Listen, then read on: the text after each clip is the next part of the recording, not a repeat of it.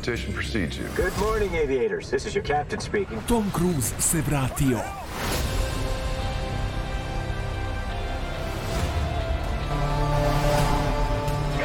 Top Gun Maverick. U bioskopima od 25. maja. Ćao svima, dobro nam došli u najnovije izdanje Lab 76, 206. izdanje i evo nas na licu mesta. Iako ne mogu da vam prikažem stazu, s obzirom da nemamo još ta prava, jel te, onda moramo da se snalazimo ovako i organizujemo uh, jedan uh, takozvani pa privremeni studio, ajde da ga tako nazovemo. Nadam se da ste svi dobro, mazite se i pazite se i vozite i vodite računa jedni u drugima, budite dobri. Vidim da je uzavrala atmosfera generalno na sve strane. Ljudi, samo polako, sve je okej, okay. uživamo u životu, uživajmo u svemu što nam, jel te, Moto Grand Prix donosi, Formula 1 i tako dalje, i studio na kraju univerzuma u kojem se nalazi ko drugi do gospodin Dejan Potkonjak, pa jedan veliki lajk udrite za gospodina Potkonjaka, gde si neki? Šta se radi? Pa evo, čekam da poprave klimu. Pantarej, da. opet. Dakle, da ja dođem, klima ne radi. Ne mogu da verujem, dolaze, ulaze, izlaze. Ali nikom ne radi klima ako je to neka uteha. Nadam se da će do sutra to da sredi. Mada ja čujem da kod vas radi klima, ako sam dobro obavešten. Radi, radi.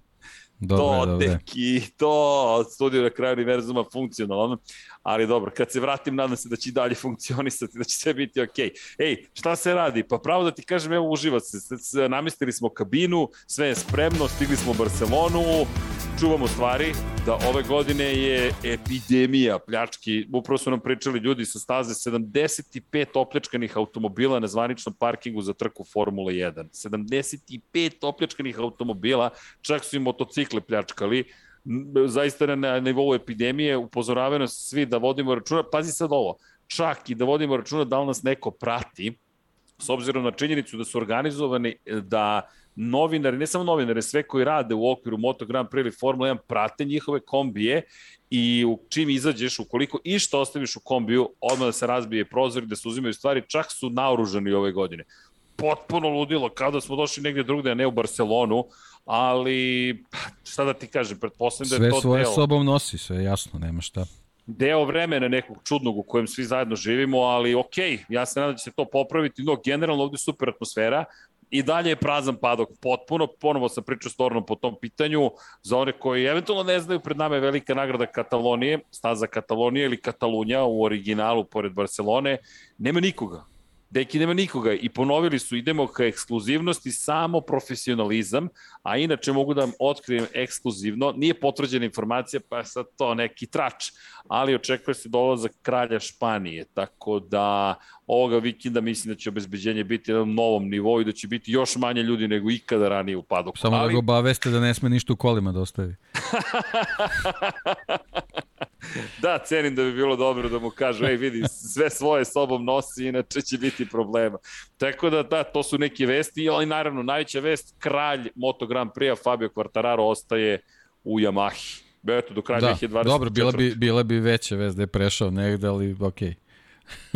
sad, sad, je, sad je prilika eto, da, da, ovaj, da vidimo poglede na tu vest. Da. A, da, vidi, ali zanimljivo je sad iz te perspektive. To znači da dalje ostaje otvoreno mesto u Hondi, pored, pretpostavljamo dalje Marka je. Markeza. Tako Inače, je. David Emmet je tweetovao, e, pričao je o tome i priča se ovde dosta o tome, ali možete javno da vidite informaciju. Pole Spargaro je fabrički vozač Jelte Honda tražio novi RAM koji koristi Mark Marquez i koji koristi Takaki na Kagami i to bi bilo to. Tražio ga Da. Ja vidjet ćemo, šta da će, da stvari... vidjet ćemo šta će da mu donese, ali definitivno... Neće to... ga dobiti. Da, da, dobro.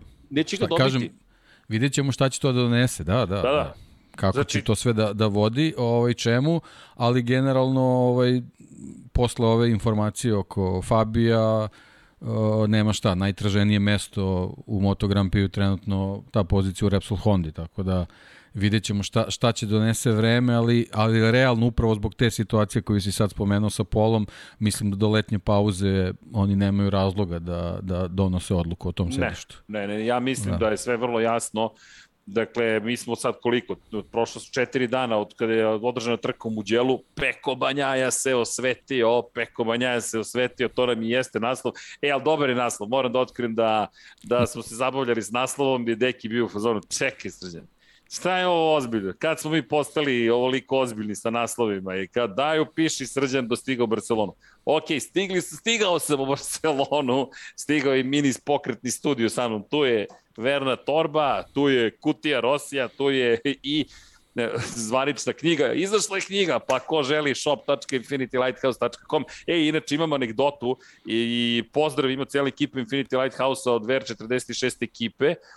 Paul Bertrand koji je zvanični predstavnik za medije, poklonili smo ekipi knjigu, poklonili smo jednu za Rosija, ali smo rekli ne tražimo fotografije, ne tražimo ništa komercijalno, hoćemo prosto sam koncept ideje iskreno da u nekom kabinetu, u knjižari, ne znam, biblioteci Valentina Rosija stoji knjiga na srpskom Valentino Rossi u izdanju Infinity Lighthouse je meni puf, zaista eksplozija uma I to smo i rekli Polu, ne, ne treba se, ni, ništa ne tražimo. Evo ti knjiga zato što čovjek treba da ima knjigu, jer knjiga je knjiga, i drugu knjigu smo dali ekipi jer smo rekli takođe ne pocenjujemo vrednost onoga što vi radite i mislimo da u vašoj biblioteci treba da stoji knjiga.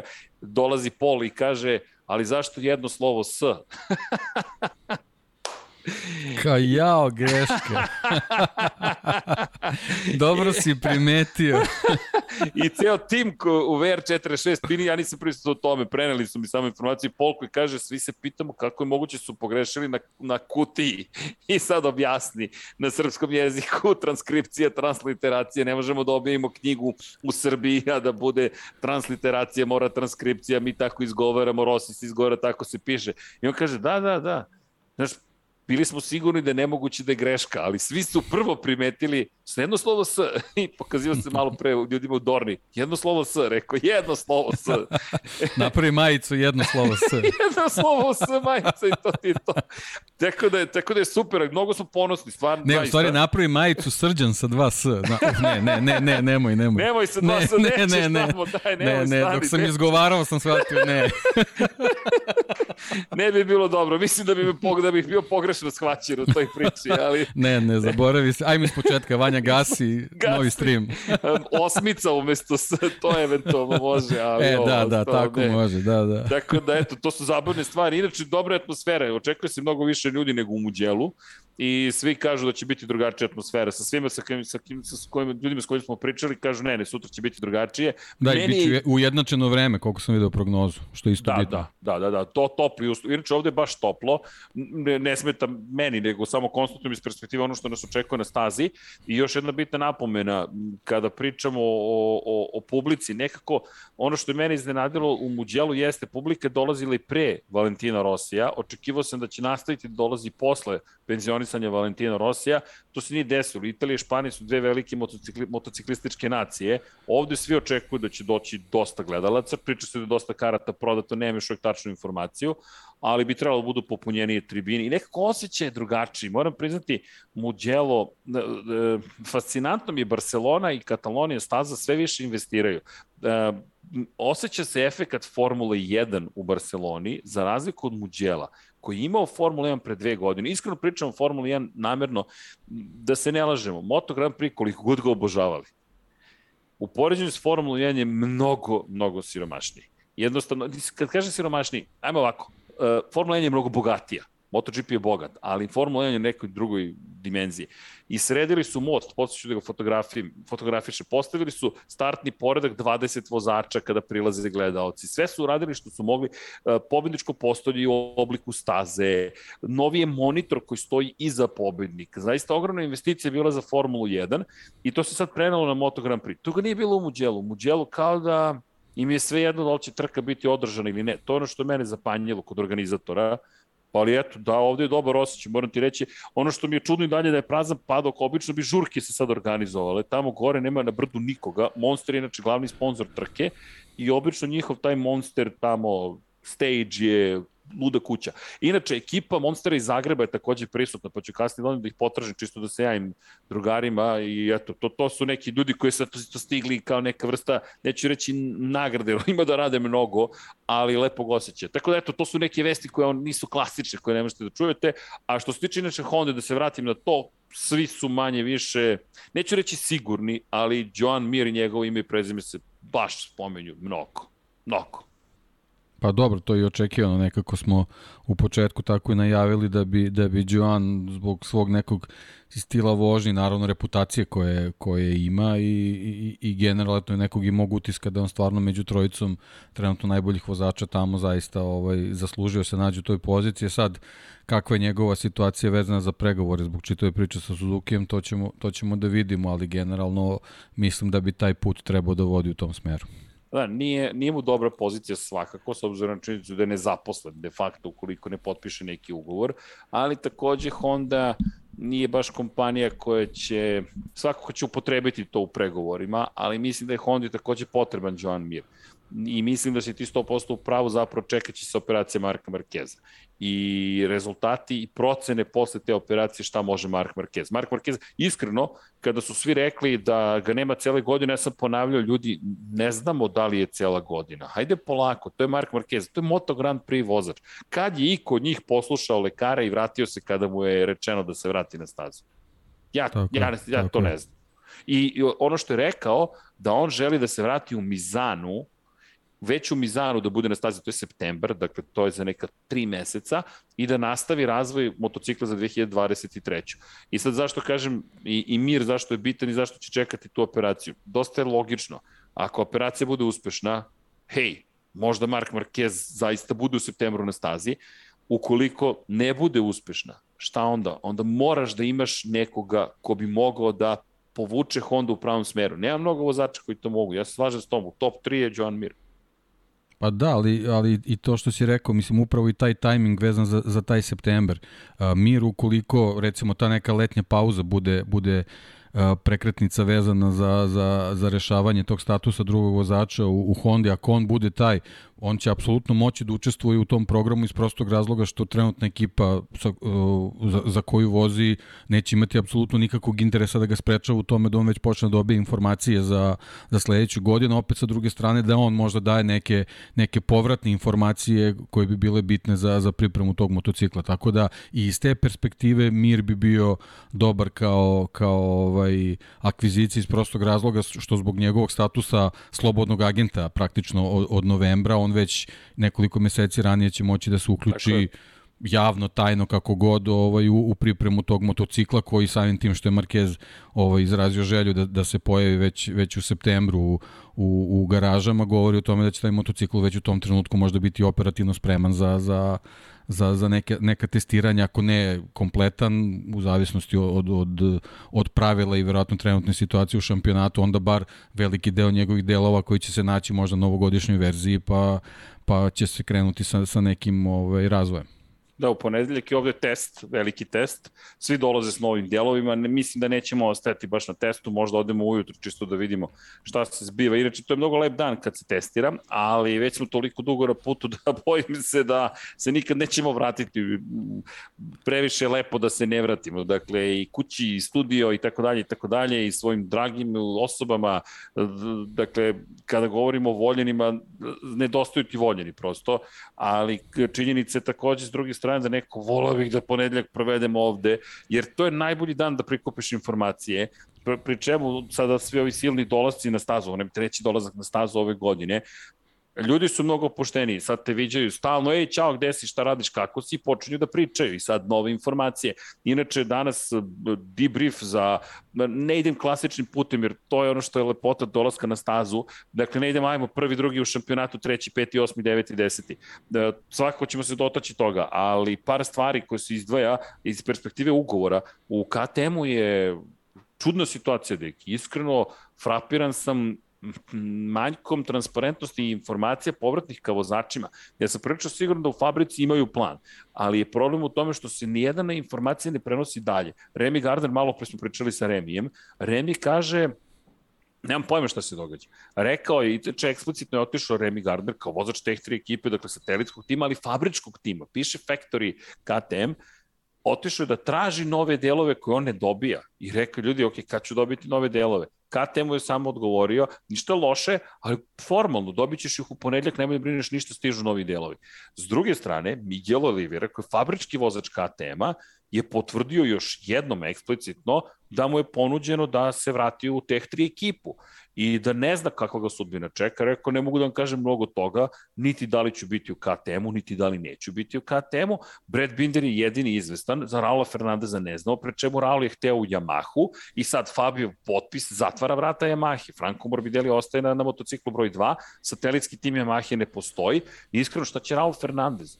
Znaš, to su eto isto još neka pitanja. I baš se onako dosta stvari događa u KTM-u konkretno, pa onda dođemo do toga Alex Rins, šta će sada biti sa meni je, Meni je super, super je sve to što pričaš, mislim, potpuno mi je okej, okay, ali mi je prosto neverovatno, mi smo u početku juna, mislim, mi smo ono prvi, drugi da. jun, mi, mi pričamo od 2023. godine, Tako mislim, je. vozači su postali, uh, vidim, vidim i po tim izjavama na konferenciji za štampu, mislim, 80% vremena se priča o transferima za, Tako za sledeću je. godinu, ovu sezonu niko ne spominje uopšte, mislim, Stazu potpuno ne mi je spominje neverovatno, pito, mi smo negde na trećini godine, Ti, uh, mnogo da. trka još imamo da vozimo i zaista je potrebno da se koncentrišu na dešavanje na stazi. Znaš ko je bio super? Ljudi, molim vas, Denis Ondžu, Teki. Denis Ondžu je otkrovenje meni ovoga vikenda. Ja kultivisanije stvorenje transparentnije odavno nisam upoznao u tim godinama. On je bio vrlo precizan, vrlo direktan, rekao je sve kako vidi, kako razmišlja, šta hoće, šta neće. Ja gledam i razmišljam, lo isti onaj momak koga gledam na TV-u i koga komentarišem i nebo i zemlja i, i Denis je za mene, moram ti reći, čovek otkrovenje. Inače, vrlo lepo objasnio s kojim problemima se suoča, prekomerne težine, prekomerne visine za Moto3 motocikl, svestan da ima 5 kg više, ne može da smrša toliko više, da će gubiti na, na pravcu, baš se bavio trkom. Remi, pitamo ga za trku, kaže, ja ću dati sve od sebe u svakom krugu. Pitamo Oliveru za trku, ja ću dati sve od sebe u svakom krugu pitaš bilo koga, svi govore u Moto Grand Prix, ja ću dati sve od sebe u svakom krugu. Ok, to je defaultno stanje, ne razumem. To je kao kad bih pitao bilo kog drugog vrhunskog sportista, hoćeš se truditi večeras. Dobro, ali to ti izgleda, znaš, ono kad postaneš superstar, to ti je kao rock and roll, znaš. Dok ne dođeš do, dok ne dođeš do prvog albuma, super su ti ovaj, svi bootlegovi do ta što snimaš, onda da, snimiš da, prvi da, album da, koji je fenomenalan i onda da. posle za drugi daš sve Onda sebe, tužba. Znaš, to ti je to. Pa da, to ti je to, da. Metalika i Napster da, da. tako Ništa, dalje. prati, prati Denisa pa ćeš vidjeti prvi izjavi u Moto Grand Prix kako će da bude. Želimo da dođe do toga, pamti, naravno. Pamti, pamti to. Pa, to, ej, to. to jeste zabavno, znaš, kad, kad se većinu tih vozača pričaš igraš Moto3, Moto2, pamtite u početku, aj, ti si bio, ja, intervju, te, sad, drago mi da se upoznamo, misli se sa Bredom Binderom, rekao, dva, već smo se mi upoznali par puta, kaže, pa bilo je dosta vremena, rekao, bilo je dosta vremena, ali to je sve ok, deo života, nije to ništa lično, ali činjenicu da, mnogo se priča o transferima, pukulno to je kao da je glavna priča, a što se tiče same staze, moje mišljenje samo, ja zaista, e čekaj, stani, gde su mi neverne tome? Hoću da svi udarimo like za moje neverne tome.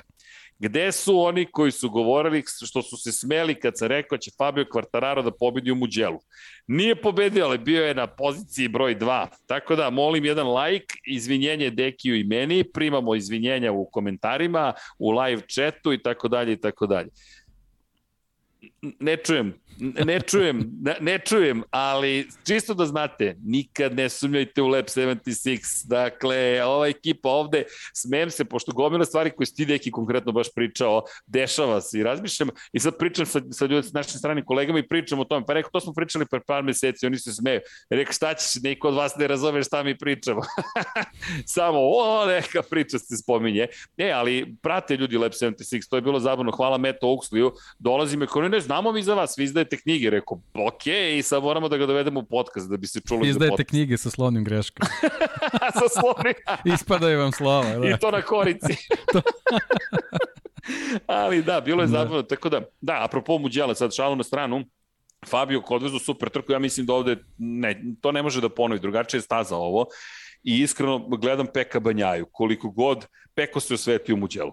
Ajmo da da uradimo ono što je klasičan deo, neću reći ni posla, to mora da se uradi, prosto Muđelo za mene deki jedna od, jedna od, neću reći važnijih, ali jedna od lepših trka Peka Banjaje, možda i najlepša, on je rekao da je to njegova najbolja trka, čovjek je pao na devetu poziciju u jednom momentu i preticao, preticao, preticao, preticao, preticao dok na kraju nije uspeo i Mugello nam je bio potreban iz perspektive preticanja, na kraju pobedio upečatljivo, Enea Bastianini izleteo sa staze, to će, pričat ćemo o tome, ali bitno iz perspektive šampionata, Fabio dio drugi i večiti, neću reći treći na loš način, ali čovek, podijum, Aleš Espargaro na poziciji broj 3, koji dalje u igri za osvajanje šampionske titule, svaka njemu čast, tako će to biti zanimljivo, Aleš ovde, ja se nadam da će ovo biti ona godina kad će biti dobre stvari, to je, ne, vidi se, vidi se Granodjers otprilike u daljini gde je rođen i, i, i gde je odrastao, pa eto, to, ali to su nekako glavni glumci, ali mislim da Peko može da ostvari dvostruku pobedu. Spajam priče prosto da, da, da iskoristimo vreme najbolje. Ako se setimo Jorge Lorenza 2018. Bum, pobeda prva u Mugello na Ducatiju, odmah je to učinio isto i u Barceloni upravo na ovom mestu, a isto je učinio Andrea Dovizioso sezonu pre 2017. Mugello, Barcelona, ko je prekinuo taj niz? Danilo Petrući. Ali Danilo je pobedio na srce u Italiji, a ovde se videla već razlika u kvalitetu. Ali ja mislim zaista da ovo može da bude Pekova, iako je poslednji put bio na pobjedičkom postoju pre 10 godina ovde, mislim da ovo može da bude njegova trka, pogotovo što nije dovoljno blizu u šampionatu da to utiče na njega. Pa da, mislim, uh, Mugello je stvarno bio veliki ispit zbog, zbog kompletnog tog pritiska ovaj, koji, se, koji se dešava oko njega, ali, ali to smo najavili i pre trke i mislim, apsolutno sve što se rekao, čista desetka za njegov nastup, što zbog vožnje, što zbog ovaj, kontrolisanja te čitave situacije, Ovaj, a sa druge strane nekako smo očekivali da, da će Fabio sa tom Yamahom da bude dobar pre svega što su tamo postojali neki segmenti staze gde smo, gde smo videli kako on ovaj, i, i u prošlosti ume da barata sa, sa tim motocikloma generalno i, i, i Yamahe koje se na tim pozicijama dobro snalaze. Videli smo i u, trki, u trci neka dobra, dobra obilaženja, tako da ovaj, da, to drugo, drugo mesto ovaj, zvuči stvarno kao, kao pobeda, ali eto u nekoj, nekoj razvoju neke, neke situacije moglo čak i da se desi da, da, da zaista pobedi, ali ja mislim da je on, da je on ovaj, prezdovljen sa tih 20 Jest. bodova i sad čitava ova priča i, i, i, i verovatno rasterećenje vezano za ovo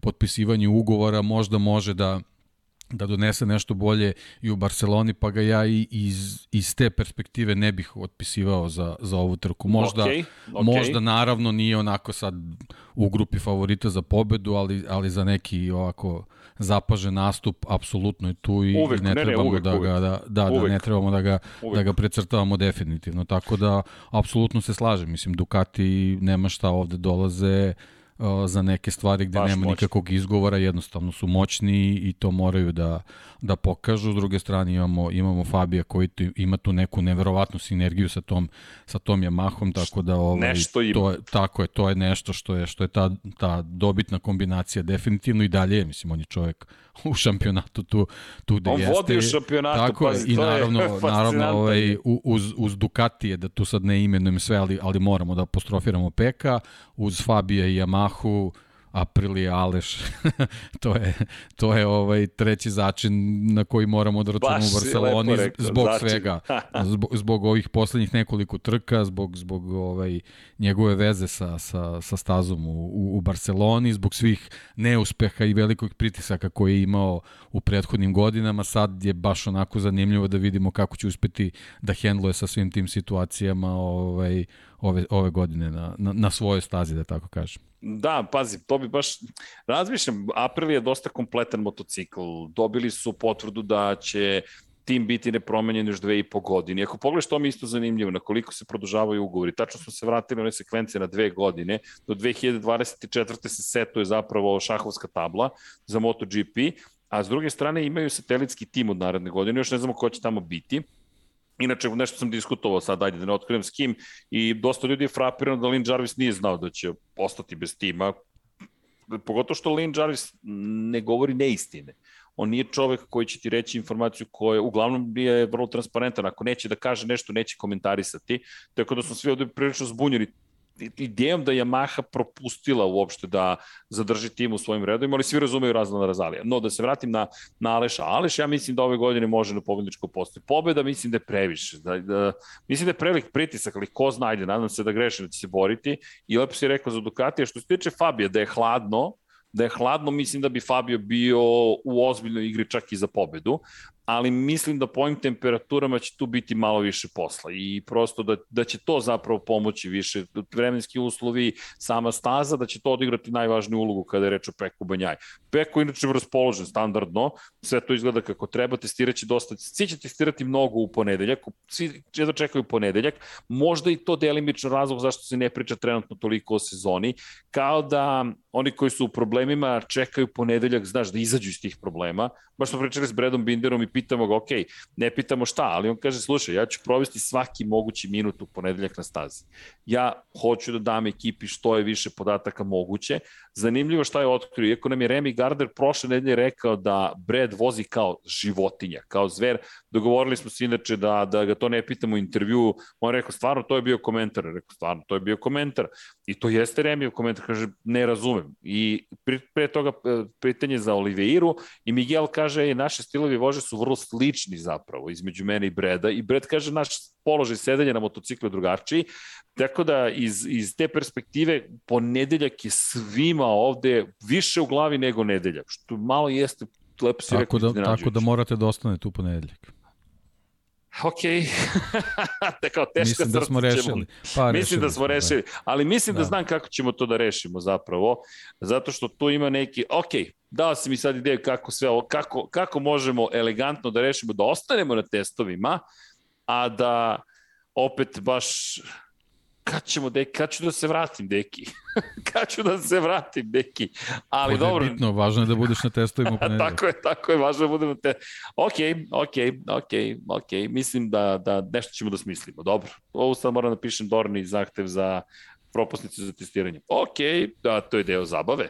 A mada, mi imamo ove godine druge propusnice, tako da možda, možda to i možemo. No, proverit ću, ali slažem se s tobom, moram da ostanem. Ok. Da. Uf, hvala ti, Diki. Uh, da, nema da vraćam se, nema na i drugi put.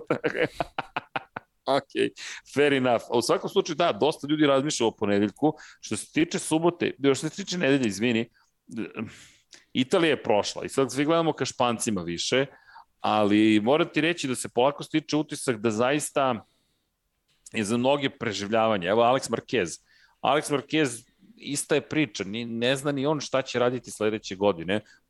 Dosta se novinara skupilo oko Aleksa Markeza i on istu priču priča. Kaže, ljudi, ja ću dati sve od sebe. Zaista pokušam da rešim probleme koje imamo s ovim motociklom. Jednostavno, za sada nije uspelo sve to što su radili e, i, i, i pitanje šta, zaista je pitanje šta će se desiti. Što me dovodi opet do priče o Hondi uz Štefana Brada koji menja Marka Markeza. Ja ne znam zaista šta da očekamo ovde od Hondi i to me vraća opet na Ducati, Peko Banjaja i naravno Enea Bastianini, to je zver, to je beštija.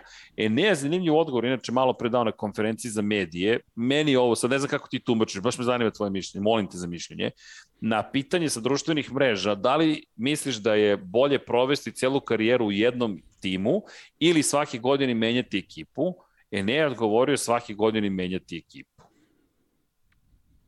Hm. Sad. Zanimljivo. Zanimljivo. da čovjek bi pomislio ruku, da. u najmanju ruku da će on prvi odgovoriti ostati u Gresidiju, znaš, ili nešto slično. Ne. E ne, ja mislim da je on potpuno posvećen uspehu, što je okej. Okay, pa da, ali ja generalno mislim da, da vozači u Moto Grand Prix kad dođu tu imaju želju da se nađu u fabričkoj ekipi. Da. To je to je nekako to je to. san svih, tako to da evo vidiš vidiš i reakciju Miguela Oliveira, on on praktično ostaje na fra, bi trebao da ostane na fabričkom KTM-u u Tek 3, al on jednostavno ne želi da se vraća korak unazad. Deki, ako I smem... To je, I to je onako nešto što meni potpuno opravdano. A, ima tu jedna bitna stvar. Koliko god oni pisali fabrička ekipa, mm, kada, baš ću da fotografišem kasnije da napravim poređenje kada uđeš u domaćinstvo Red Bulla, to jest KTM-a, to se sad zove MotoGP svet, inače domaćinstvo Red Bulla, to je zanimljivo, mm, ajde, to priča za kasnije, ali između KTM-ovog fabričkog domaćinstva i Teh 3 fabričkog domaćinstva, veruj mi, to je kao Mercedes A klase i Mercedes E klase. Dakle, ok, da, to je Mercedes. To nije Mercedes I delovi koji dolaze do, do, do satelitskog tima, namerno kažem satelitskog tima, su upravo to, delovi koji dolaze do satelitskog tima. E, e, lepo je što žele da podrže Tech 3 ekipu i što su finansijski podržali, ali RV Poncharal ništa de facto ne odlučuje. E, baš smo diskutovali o tome malo pre, ajde da ne otkrivam čoveka s, kim sam, s kojim sam pričao, koji je baš tu i nije nikako sad nešto spektakularno, ali mislim da su lepe, da su lepe informacije. Koji je rekao da za, za, za na primjer, za Yamahu, da je Yamaha zahtevala na, eh, zahtevala manje više da upravlja svim kod Razlana Razalija i da je Razlan Razali trebalo de facto da im bude samo garaža za još dve Yamahe. Razlan Razali nije napustio Petronas, visoku poziciju menadžmentu Petronasa, direktorsku funkciju Sepang međunarodne staze, na kojoj se vozila Formula 1, na kojoj se vozi Moto Grand Prix, da bi bio izvršni direktor ekipe koja de facto je garaža u koju neko dođe i kaže vozit će ti ovaj vozač, vozit će ti ovaj vozač, a ti nađi sponzore a dobit ćeš ove motocikle način na koji je tretman dobijen nije bio adekvatan. I razno razali, nadam se da je Aprilija bolje. Inače, posle idemo u Apriliju, Vine O'Clock imaju događaj, to je Vine O'Clock, dakle, to je Aprilija. Aprilija koja jedino još uvijek pokušao taj, taj neki stil žurki da održi, ali činjenice da Apple mladi navodno... Još. Da, još su mladi. sad je fan, znaš, sad je zabavno. Prvi, prvi, čekaju prvi album. da, da. da, čekaju prvi album, ali tačno vidiš razliku u, u, u pristupu i navodno je Razna Razali dobio slobodu. Dobio je slobodu da da više odlučuje nego s Yamahom. Sad, Ne znam da li je to istina ili nije, ali navodno to je jedna od stvari, jedna od stvari koja je uticala na njega. U svakom slučaju je Maha koja je nekako previše stis, stisla situaciju i KTM koja je previše stisla situaciju.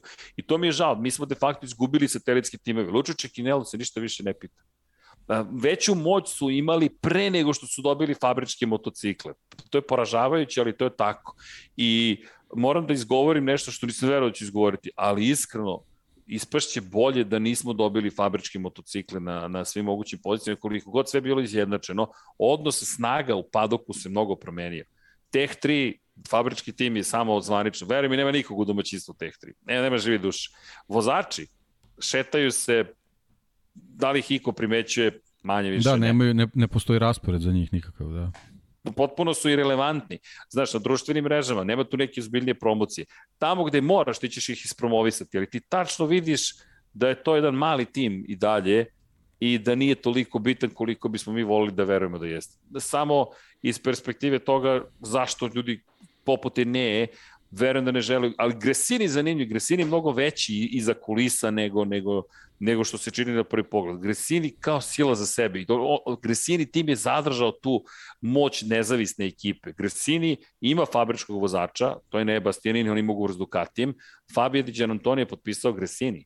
Tako da zanimljiv je slučaj, studija slučaja Gresinija, ali vidjet ćemo šta je, zašto je ne rekao menjati tim svake godine, ali ovo je važna trka za njega, ukoliko želi tu legendarnu šampionsku titulu, sad ja mislim da je do njega. Sad ne možemo pričamo o tome da li bi Ducati nešto hteo ili ne. Ducati ga nije natero da padne u muđelu, dakle to je njegova greška, nema pravo na te greške. Ti si deki opet, neću reći pogodio, analizirao kako treba. Šta si rekao posle pobede u Francuskoj? Pa, još samo kad bi završio svaku trku, to je svaki put bio na adekvatnom nivou. Tako je.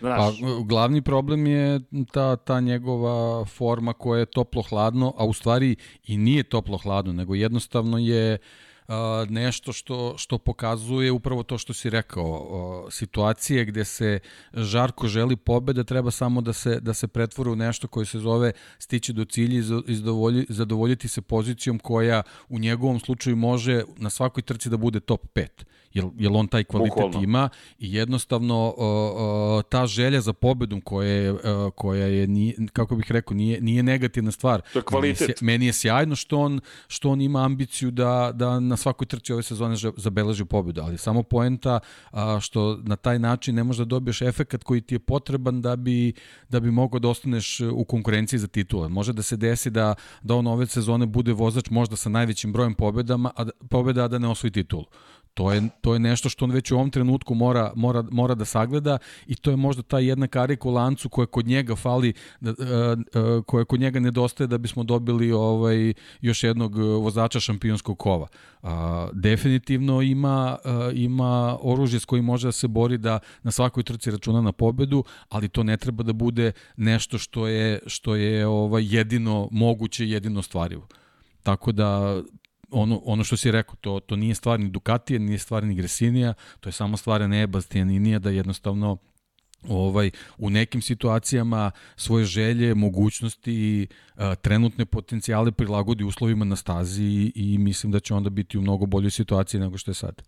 Da, bukvalno to, to je, sve si rekao, pri čemu ovo je deveta trka od 20 trka, Kimi Ring smo izgubili, Dakle, prošle nedelje baš bilo priče oko Kimi Ringa na, na stazi i pitaju Miguel Oliviru o par, par stvari. Inače, bilo je reči da će možda zapravo velika nagrada Aragona da skoči na poziciju Kimi Ringa i dakle, bukvalno da će biti pomerena sa septembra na jun, i da će na taj način kalendar se rasteretiti u septembru kada imamo tri trke za redom u tri vikenda, a da će se na neki način popuniti jul, izvinjam se, ne jun, nego jul. Međutim, Olivira, preko prepočujem za to, druga stvar, meni bi bilo sve jedno da li će se da to gađati ili ne, kaže, toliko je konkurentan Moto Grand Prix, danas smo ga pitali, otprilike za, za preporuku za letovanje, znaš šta je rekao? Dođete u Portugal, rekao, hladno je, kaže, Algarve nije toliko hladan, to, rekao, da, da. kaže, a ima i stazu. Ja pozdravljam, kažem, rekao, pozdravljam, da. da. Apsolutno, pazi, da, još pa imaš ne, i stazu. zanimljiva ideja ovo vezano, vezano za Aragon, ali meni prva stvar koja mi je pala na pamet je ovaj 2020. i Jerez u, u to vreme. Ja se plašim da bi Aragon upravo spakao. To je, ja to je da bi sve to bi bila rerna, da i ne vidimo ono svrhu da da voziš trku koja možda bude opasno po život na razne načine. A, a Mislim, može. Okay je, može da se rastereti neki drugi deo sezone koji stvarno može da bude naporan, ali opet u taj, taj, taj deo sezonu u septembru ulaziš posle mesec dana odmora, tako da to možda nije, ne bi bio toliki problem koliki bi problem bio da voziš na 70 stepeni u Aragonu.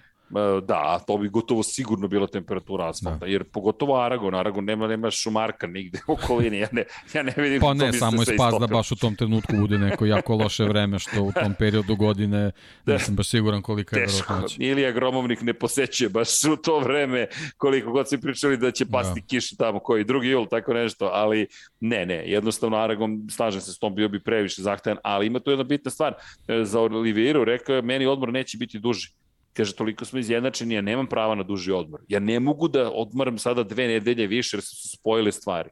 Ne mogu, da. ja moram da nastavim da treniram. Tako je. I tu je kraj priče. Meni je, kaže, potpuno svejedno da li imamo tu trku ili ne. On počeo da se smeje čovjek, na, na, kad smo ga pitali, pa dobro, će sad više da odmaraš. On bukvalno je počeo da se smeje. Da. I kaže, o čemu vi pričate, ljudi? Kaže, tog odmora više nema. Mi smo toliko izjednačeni, ja moram svaki dan da treniram. I to je to. Da, to ti je otprilike kao ono NBA igrači, znaš, ono, da li si, da li si na šuterskom treningu, si na utakmici, kao. Sve jedno je. Sve jedno je, bukvalno. Tako da su oni došli do stadijuma jednostavno da nema više opuštanja nikada, jednostavno nema opuštanja, ni u međusezoni, ni u predsezoni, nema opuštanja i zanimljivo je prosto je to bilo pa, čuti te komentare na kontu i kalendara, tako da njima se ništa suštinski ne menja u životima, nama se menja, jer imamo prenos manje, tako da neće biti poklapanje velike nagrade Finjske u Moto Grand Prix, velike nagrade Austrije na Red Bull ringu, što daje šansu da možda i odemo na Red Bull ring, da radimo i, i, i Formulu 1 sa lice mesta, mada su šanse male, male, male, male, male, ali dobro, pokušat ćemo. I tako, u svakom slučaju, mnogo informacija, nekako su Mugello, Barcelona, uvijek je to, i Mugello i kad je prazan tamo, ugovori se potpisuju, dolaze ljudi, odlaze ljudi, da možda ne veliki broj ljudi, ali e, imate pozdrav svi od gospodina Miodraga Kotura, tako da Hvala. znate. Tako da, Hvala, da, super da. stvar, da. Da, da ja, čuli smo se, videli smo se, bilo je priča da će možda svratiti, ali rekao, ne mogu ne mogu suviše bitan deo sezone i, i, i, i Niklas Ajo, tražili smo intervju sa Niklasom Ajom, Ajo koji je rekao danas nema šanse. Kaže, moram da se posvetim pripremi motocikla Đaume Masije i tu je kraj. Tamo je tamo je ozbiljan rat. Dakle, u Moto trojkama, ne, ne bih da skačem, ali samo kratko, ozbiljan rat. I potvrdilo se ono, danas sam pričao sa nekim predstavnicima Dorne i pitao sam ih za mišljenje oko svega što se događa, Suzuki je izlazak, povrat, i prirekli su za Suzuki, kaže, ej, Suzuki je mali odnosno na Yamahu i Honda, ono što je, mi znamo. Ne mogu oni to da podnesu ako marketički nije iskorišćeno. Ja im kažem, broj jedan je mora da stoji na Suzuki-u i počne da se smeju, kaže, to je odluka vozača. Reko, ja mu ne bi dao tu odluku, ali dobro, ali dobro, to sam samo ja. Ali činjenica je da je to, da je to zaista ima uticaj i Suzuki prosto ne može to da podnese. Yamaha i Honda mogu to da podnesu, KTM to može da podnese i potvrdili su još jednom, pazi sad, ja sam zaista i dalje skeptičan koliko god oni me ubeđivali da se to zaista dešava, navodno će doći novi proizvođač motocikala uskoro u Moto Grand Prix. Ja sam mm, frapiran da. tom informacijom, Simpatično, iskreno. da, simpatična informacija. Ne znam ovako stvarno na prvu loptu ne bih hteo da, da nagađam ko bi to mogao da bude, ali, ali upravo zbog te, zbog te situacije koju si naveo, to mora da bude nekako finansijski, to može da izdrži. Neki Tako ko da može već, već neki da odgovori nameću. Pa, pa, u principu BMW može. BMW, da eto isto da. smo pomislili, pri čemu tako ko ti je snabdevač automobilima, vozila bezbednosti tako u šampionatu, tako je, tako je. safety bajkovima, BMW. I tako ima je. ozbiljno prisustvo BMW. Čudno mi čuda BMW, BMW deli uh, propusnice za goste. Da, Tako eto, da, vidiš, eto, vidiš. eto, eto, desilo se otprilike, pri čemu ja mislim da imaš 30 zvaničnih BMW vozila u padoku trenutno, i e, od... Ni, kažem, ovo je na prvu loptu samo, eto. To je, to je samo naša pretpostavka. Kao, Deki, kao nastavak ove tvoje priče, njihovog odgovora, to jest obrazlaganja zašto, zašto Suzuki odlazi, eto, nastavak rečenice, samo, ja samo, samo jednu marku vidim Tako u, je. U toj priči. Nikog drugog ja ne vidim. Iako se ovde proda, ima štand za svetski šampionat u Superbajku, Kawasaki je to odmah to. Ja ako gledam, mislim, nema šanse, Ninja se ovde neće pojaviti. Pojavit će se koliko i Ninja, nikada, u noći možda. Pa što možda. se tiče Moto Grand Prix Kawasaki, može se posmatra kao i Suzuki. Isto, to je ta veličina. To je to. To smo, to, tome smo je. pričali. Ali, ok, simpatično je i kažem ti, to, to nije bio razgovor na nivou na nivou, ej da te ubedimo. Ne, nego, naj, najobični razgovor, kao da, ono, trenutno to se pregovara, pokušava i trebalo bi da najnonšalantnije, rekao, okej, držim palčeve da je to zaista tako, meni, ja sam i dalje skeptičan, otvoreno, to sam i njima rekao, rekao, ljudi, znate me, reći ću vam direktno, I'm skeptical, ali okej, okay. oni se smeju, jednostavno, sad zavisi koja ekipa, da, da, ima tih nekih ljudi kojima su simpatično kad si transparentan, ima ljudi koji ne vole baš da si pretrano transparentan, pa sad zavisi da koga najđeš, ali činjenica je da, da eto, to se Ne vole da se maze i paze. Ne, ne, ne vole da se, ovi se ne pa, ne, ne, ne, niti se maze, niti se paze. Ali ima ovih, znaš kako, ljudi su ljudi i onda dođeš sa tom pričom i, i kažem ti, jednostavno, ja, ka, ja kažem ljudi, ne, ne, ništa vas ne molim, ne tražim vam ništa, došlo da časkam otprilike i bukvalno ovo je unofficial, ovo je official, ima milion nekih nezvaničnih informacija, ali ako ljudima kažeš unofficial, to ostaje unofficial, ne ide dalje. Drugo i ti sam znaš koliko te puta ljudi testiraju, to je David Emmet imao, ispričati nešto pa čekaju da vidi da li će to da procuri. Emmeta, Emet je, ne, ne znam komu je došao, ispričao neku, neku priču i očekivali su da će Emet, to čovjek iz Motometras, taš dragi prijatelj David Emet, dakle, pretplaćeni smo na Motometras zato što hoćemo da ga podržimo na, na, na taj način E, njemu smo poklonili knjigu jednu, tako da on je, on je zaslužio svo znanje i dobrotu i, i ljubav koju je podelio sa nama. I David Emmet koji nije preneo tu informaciju i šef ekipe to se naljutio se na njega što nije preneo informaciju jer je očekivao da će da procuri informacija.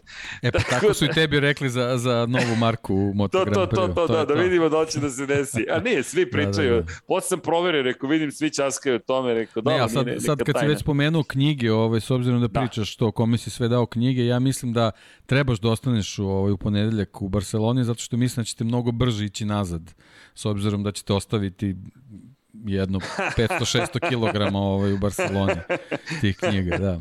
Da, da, da, da, vidi. Nije, e, inače, nije, da, hvala svima, ovaj, stižu nam ovaj, baš dosta pohvala za, za opremu čitave knjige i, hvala. i kvalitet. Samo da ja prenesem jednu informaciju, ne zaborim. E, sve naručene knjige su poslate još krajem prošle nedelje.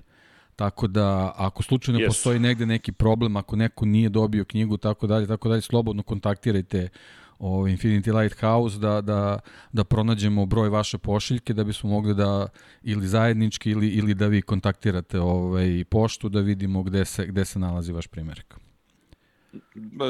mnogo nam znači, zaista. Da, ali Svaka... kažem, informacija je, sve knjige su do, do prošle nedelje poslati, sad sukcesivno znači sa, svakim, sa svakom sledećom narođbinom od sledećeg dana se knjige šalju, tako da, da je ovaj, to je što se toga tiče sve ovaj dovedeno u taj neki ritam kakav je uobičajen za, i za pa, sva da. ostala slanja. Da. Pa da, ne, ide zaista sve brzo, nego dugo smo čekali, ja se, evo, moram da nastavim da se izvinjam još neko vreme, ali izvinjam se zato što nismo stigli da pošaljemo informaciju da počinju isporuke, nema opravdanja nekog, ali eto, ne zameriti. Hteli smo što brže da ide, ja sam krenuo na put, nisam stigao da pošaljem e-mail kako treba i danas mi pisala na devojka, kaže, samo da ste mi javili na vreme, da, da, kupila i knjigu, ali Tako da, eto, to su neki ti koraci, ali bit ćemo super i hvala svima za, za lepe reči, ali ja stojim pre onom što smo rekli, nismo hteli da pustimo knjigu koja nije na nivou za koji se mi zalažemo i za koji tvrdimo da mi stojimo na tom nivou.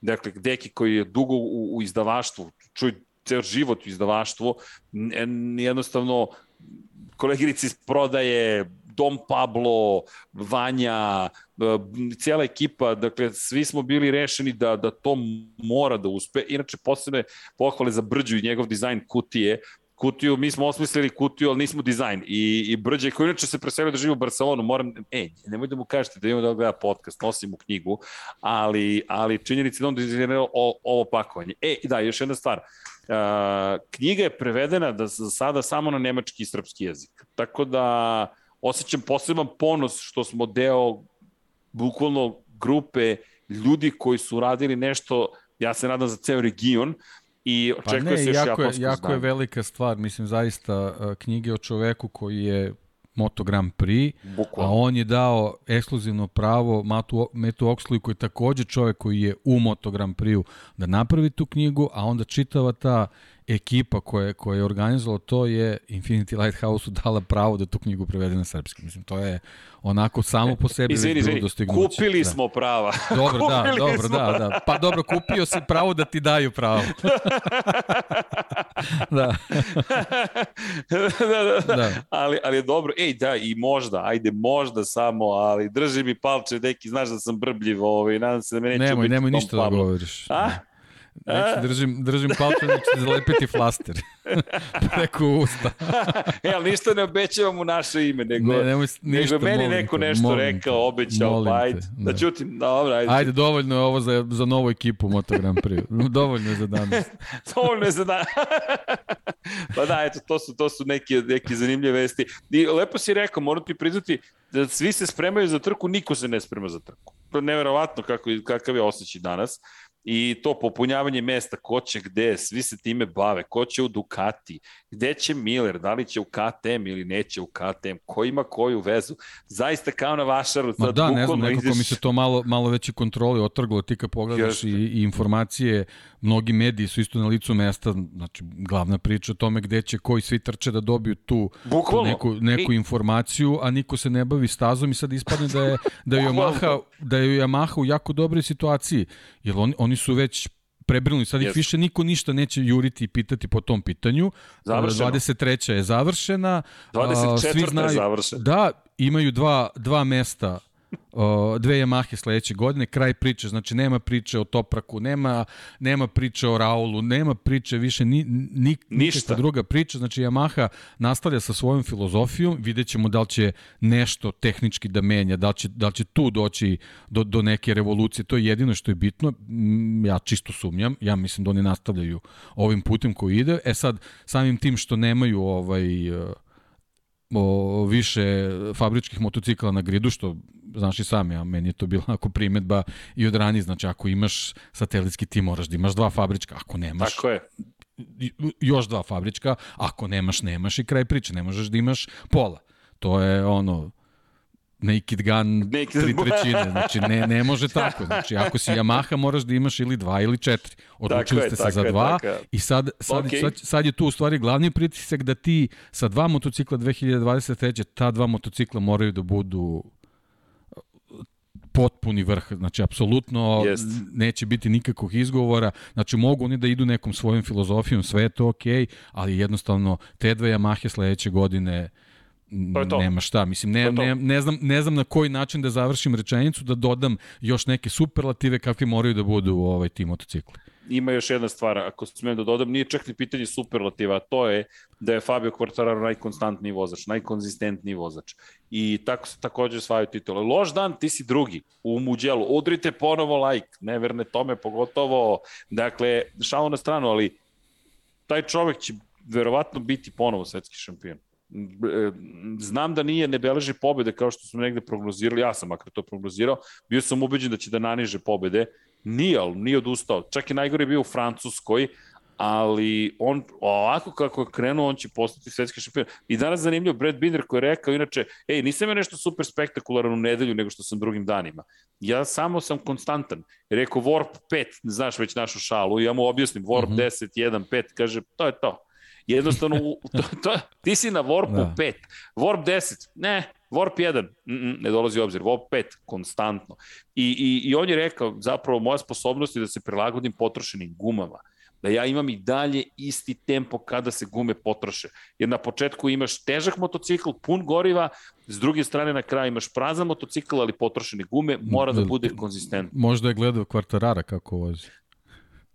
Možda je gledao kvartarara. Ostali da. to ne uspeva. Inače, Remy da. Gardner se žalio, rekao je na motociklu, kaže, znaš šta, ja kad pritisnem zadnju kočnicu i krenem da ulazim u krivinu, ja bukvalno moram da pivotiram zadnjim točkom, ne bili uneo motocikl u krivinu. I žali se na, na nemogućnost skretanja. Zapravo kaže da, da svi vozači imaju isti problem, ne mogu da e, skrenu. To, e, e, vidiš, to je, to je super rekao. Ovaj, da se vratimo bukvalno od početka sezone i, i ovaj, načina kako Joan Mir pivotira sa, sa Suzukijem. To je Eto, to. To je, to je upravo to. To, to je, je upravo to. to. A Joan je, ne sad malo pre sam ga video, prilično opušten. Ovoga puta mislim da mislim da je on prihvatio, izjavio je, rekao je, promenila se atmosfera u Suzuki, harmonije više nema. Što nije ni čudo. Znaš, neko ti je doveo novog šefa pred početak sezone, Livija Supa, novi motocikl, imaš ideju, mi možemo se borimo za titulu, Alex Rins spektakularno počne sezonu, konstantni ste i onda neko dođe i kaže, eh, nema od tog filma ništa. Da, od tog trenutka počinju njihovi padovi, si primetio? Tako je, padovi počinju, raspad sistema je u Suzuki, da. iskreno. Atmosfera je nepostojeća. Ljudi su što razočarani, što besni, što indisponirani, što uplašeni, zbiraj koji god hoćeš reći. Ken Kavauči, Ken nasmejani Kavauči, koji je uvek bio vesel, kroz najveće krize Suzuki-a, izgleda očajno. Izgleda očajno. Prosto čovek kojem je ubijen san. Ok, to je lični moment, ali to, ta emocija se prenosi dalje. I baš mi žao Suzuki. Moram priznati, znamo mi što se tako završilo. Da je drugačije, pa da su ti ljudi imali neku informaciju, pa su znali. Poslednji ples, plešemo ga zajedno, ajmo. Znaš, ti si ušao u nešto i neko ti rekao, ej, ajde, gasa sve ovo. Da. Baš je onako, i, i, moram da ostanem u ponedljak, da odem da vidim šta su doneli od delova i da li su Ne, ne, pa to, to smo rešili, to ti je završeno. Da, to ti je završeno. Da. hvala ti, Beki, na tome.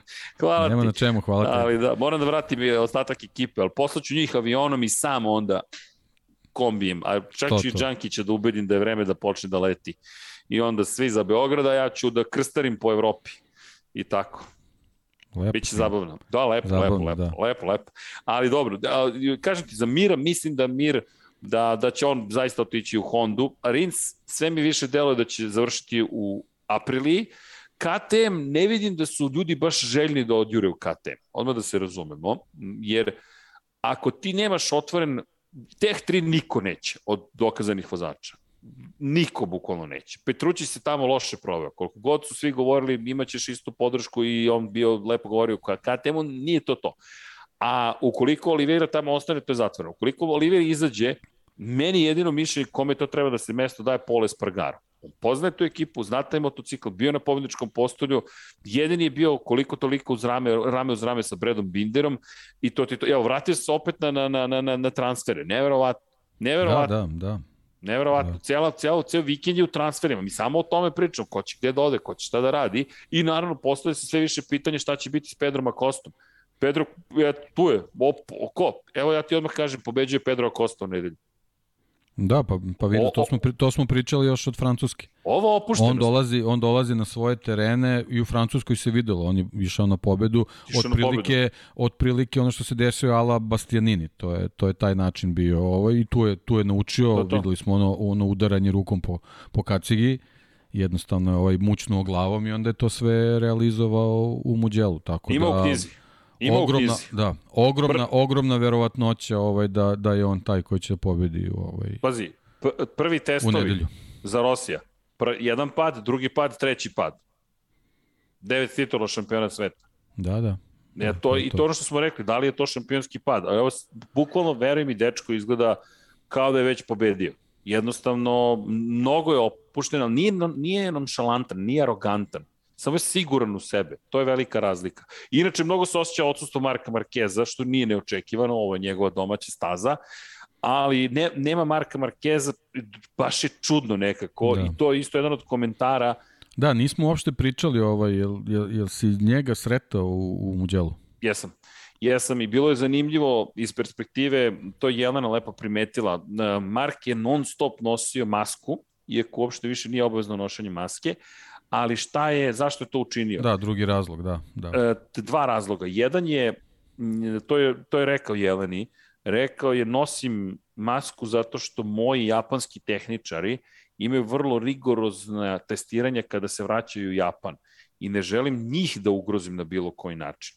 I tu, pazi, to, to je, ta vrsta bliskosti ne vidi se na prvi pogled u Hondi, ali postoji. I druga stvar jeste iz sobstvenih razloga ne želi da bude on izložen bilo kakve vrsti potencijalne infekcije, nevažno da li je COVID ili nešto drugo. I bio je, ono što je fascinantno jeste bilo koliko se on krio u Muđelu, ali ne, ne aktivno nužno, koliko je samo hteo da bude sa strane, da ne privlači previše pažnje. Videli smo ga raspoložen, svakako je bio standardno njegovo, ali iskreno moj utisak iz Muđela su njegovi roditelji. Ponovit ću, to je za sve mlade naše buduće kolege, novinari i tako dalje. Ne morate sve da fotografišete. Nisam htio da ih fotografišem, nisam htio da ih snimam, samo prenosim utisak gledalcima iz perspektive toga da, da, da razumemo ljudskost i koliko je sve to ozbiljno. Mama njegova je kao i svaka mama, pozovite svoje mame, ukoliko ste u mogućnosti, recite im, volim te mama, zašto? Zato što te volim. Nevažno je da li ste u svađi, niste u svađi, samo pozovite, recite volim te, ne moramo ni da se mirimo ako ste u svađi, ako niste u svađi, pa samo recite da volite. Stoji žena prestravljena, tu je otac, ali otac je u nekoj drugoj, prosto na, na drugi način pokazuje emociju. Drugačije našpanovan, da. Tako je. I mama koja je prestravljena dok Markeza sedi i izgovara da ide na operaciju, da će otvarati ruku četvrti put, da se plaši infekcije, ali da je to jedini način i to je moj najjači utisak, moram ti priznati. I vidiš njega, znaš kad si u prostoriji s nekim i osjećaš emocije, osjeća se strah. To jest, ali ne strah, e, plašim se nečega, jao, jao, šta će mi se desiti. Ne. Plašim se i idem direktno ka tome. To je strah i ja ću se suočiti s njime. To je bukvalno utisak i svaka mu čast, ja mu želim zaista brzo poravak, što ljudski, što sebično. Mark Marquez je potreban u ovom šampionatu. Pričali smo o tome, protagonisti i antagonisti. Era Valentina Rosija se završila, da se istovremeno završi era Marka Markeza čudno, blago rečeno, a i mislim da je tragično za tako mladog čoveka, ali mu želim da se oporavi. Da li će da osvaja titulu ili ne, potpuno mi je sve jedno, Ono što misli da je potrebno jeste i mladoj novoj generaciji da se dokaže protiv tog Marka Markeza, jer i ovu generaciju mnogo ljudi posmatra, a niste se borili protiv vanzemaljaca. To je dosta pocenjivački stav, ali mislim da bi njima bilo potrebno da pobede tog Marka Markeza, kažu, evo da vidite da možemo mi s vanzemaljcima da se nosimo. Ja mislim ali da da, po, jer posebno sva dostignuće, pre svega Fabio Quartarara, da kažem i Peka Banjaje i, i Joana Mira u toj tituli jednostavno imaju uh, neku nižu vrednost upravo iz tog razloga što nisu ostvarena ovaj, u, u nekim ozbiljnijim duelima sa, sa vanzemaljcima. Sa vanzemaljcima. Možemo da, da se setimo samo prošle godine Aragona, kakav je spektakl bio duel Peka sa, sa, sa, sa Markom Marquez, i da. to je, da, i to je ono što generalno nedostaje šampionatu da, da, bi, da bi imao taj kontinu, kontinuitet i taj niz tog nekog rasta. Mislim, naravno, biološki je potpuno prirodno da u nekom trenutku neki vozači odlaze naravno. i da drugi dolaze, ali, ali nekako i, i taj COVID i, i, i čitava ta priča nam je nekako naglo prekinula taj, ne možemo zato kažem ni odlazak Rosija, mislim, on je čovjek već, već suviše dugo bio tu i to je, Tako to je onako je. dostignuće na,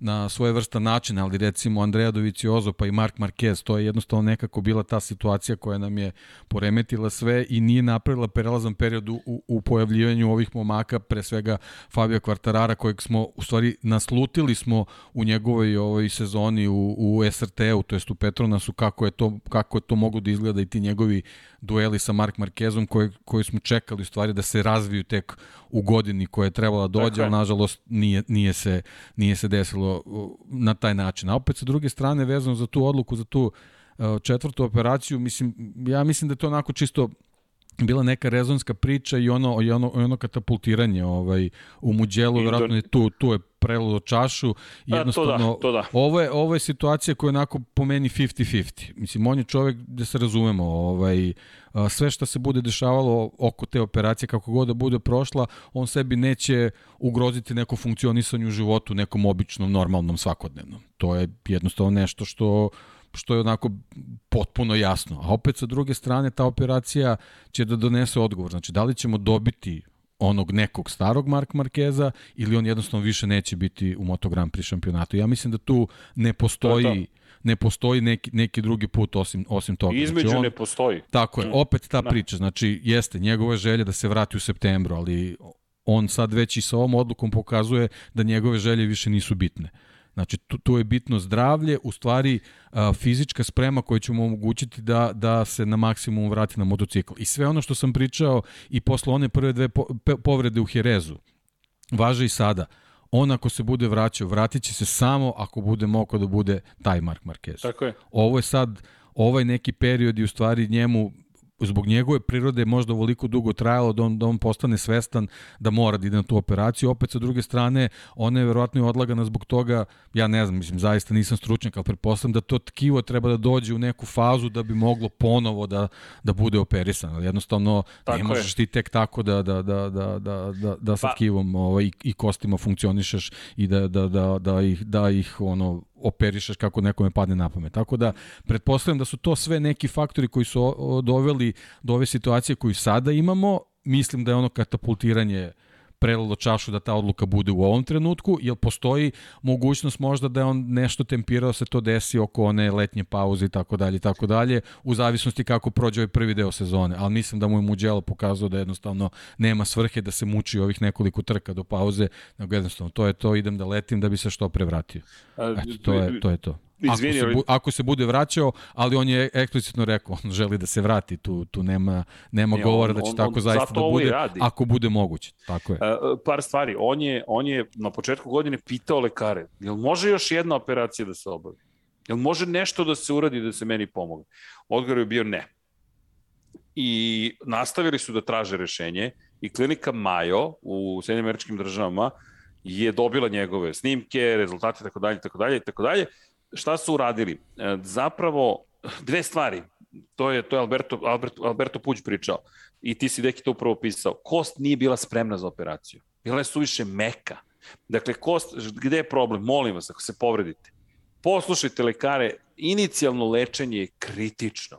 Ako povredite povređeno mesto, bilo meko tkivo ili kost, ili nešto drugo, ljudi, ozbiljan problem nastaje da. ozbiljan problem nastaje. Vi dolazite u situaciju da ko zna koliko će godina biti potrebno da se vratite na, na neki nivo da možete da dođete na staro i to se njemu desilo. I sad je kost dovoljno tvrda, onda su tražili da urade skener, da u tri dimenzije pošalju naravno rezultat i da onda odštampaju njegovu kost da bi videli da li mogu operacijom da mu oslobode pokrete ramena dovoljno da bi on mogao ponovo da vozi kao nekada.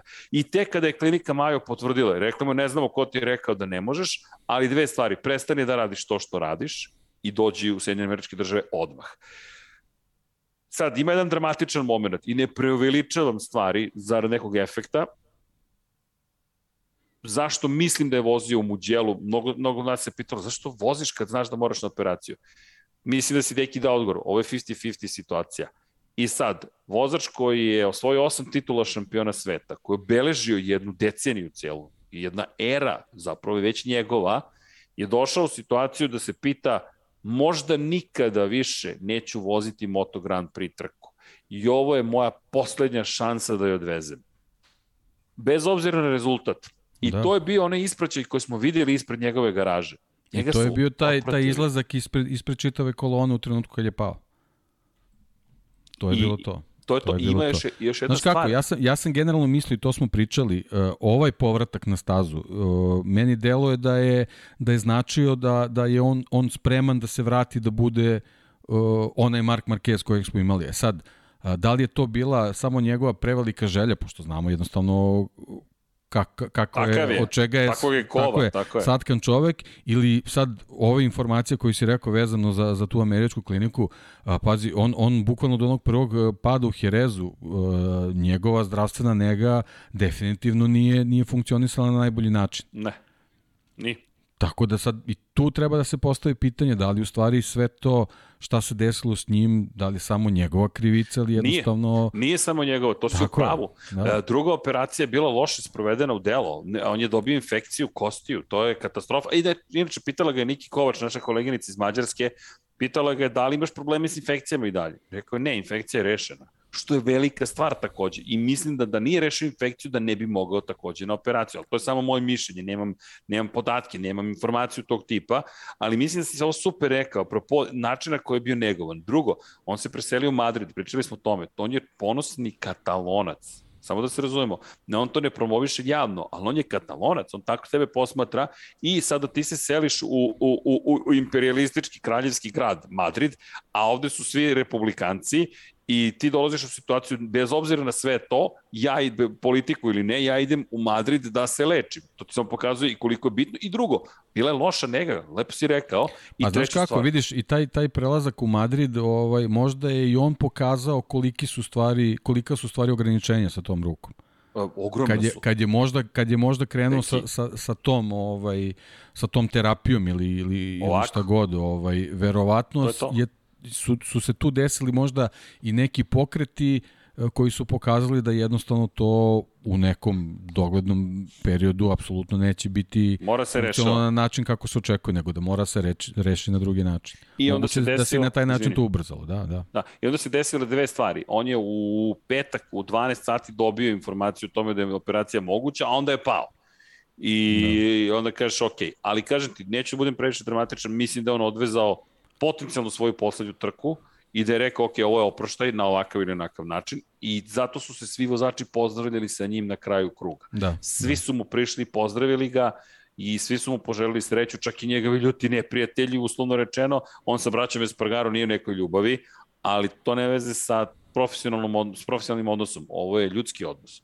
I iz te perspektive ne postoji neki rat između njih, jedini čovjek s kojim je on de facto u, u, u u, na privatnom nivou neprijatnim odnosima je Valentino Na distanci, da. To je to, njih dvojica su baš na distanci, lepo si rekao, ali sve ostalo nije na ličnom nivou između ostalih vozača, to se videlo i lep je to gest, to je pravi motogram, mislim, to lepota sporta, je okej, okay, neprijatelji smo na stazi, ali to što ideš da uradiš je hrabro i svaki ti čas želim ti uspeh. To je bila poruka i meni se mnogo to dopalo Tako da ćemo videti naravno šta će se dešavati, ali to se osjeća ovde. Inače na, na aerodromu, na, u gradu, reklame su Mark Marquez, znaš, on je glavno promotivno lice trke da. i smemo se to svi. To je štampano okay. pre dve nedelje. Pa da. da, da, da, pa čak i na digitalnim, pazi, čak i na digitalnim rešenjima, ja mislim da oni ne mogu da ga skloni, iako svi znaju da neće biti to. Jednostavno, koga da staviš?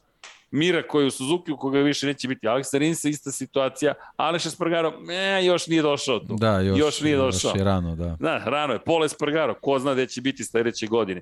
Tako da, da, da, to, to sa Markom Markezom jeste velika stvar, jeste velika vest, ponovo ga nema, ali što, što kažu ovde dosta pričaju, nova generacija je stigla, pa eto, stasavaju i baš diskutovala se inače i o Formuli 1, svi ovde spomenju Formulu 1, inače pričao sam s Binderom, pitao sam ga apropo aerodinamike, ej, Binder je ozbiljno posvećen razumevanju aerodinamike. On je pričao o zapremini vazduha, pričao je o protoku vazduha, o downforce-u, to je negativnom uzgunu, nizgunu takozvanom.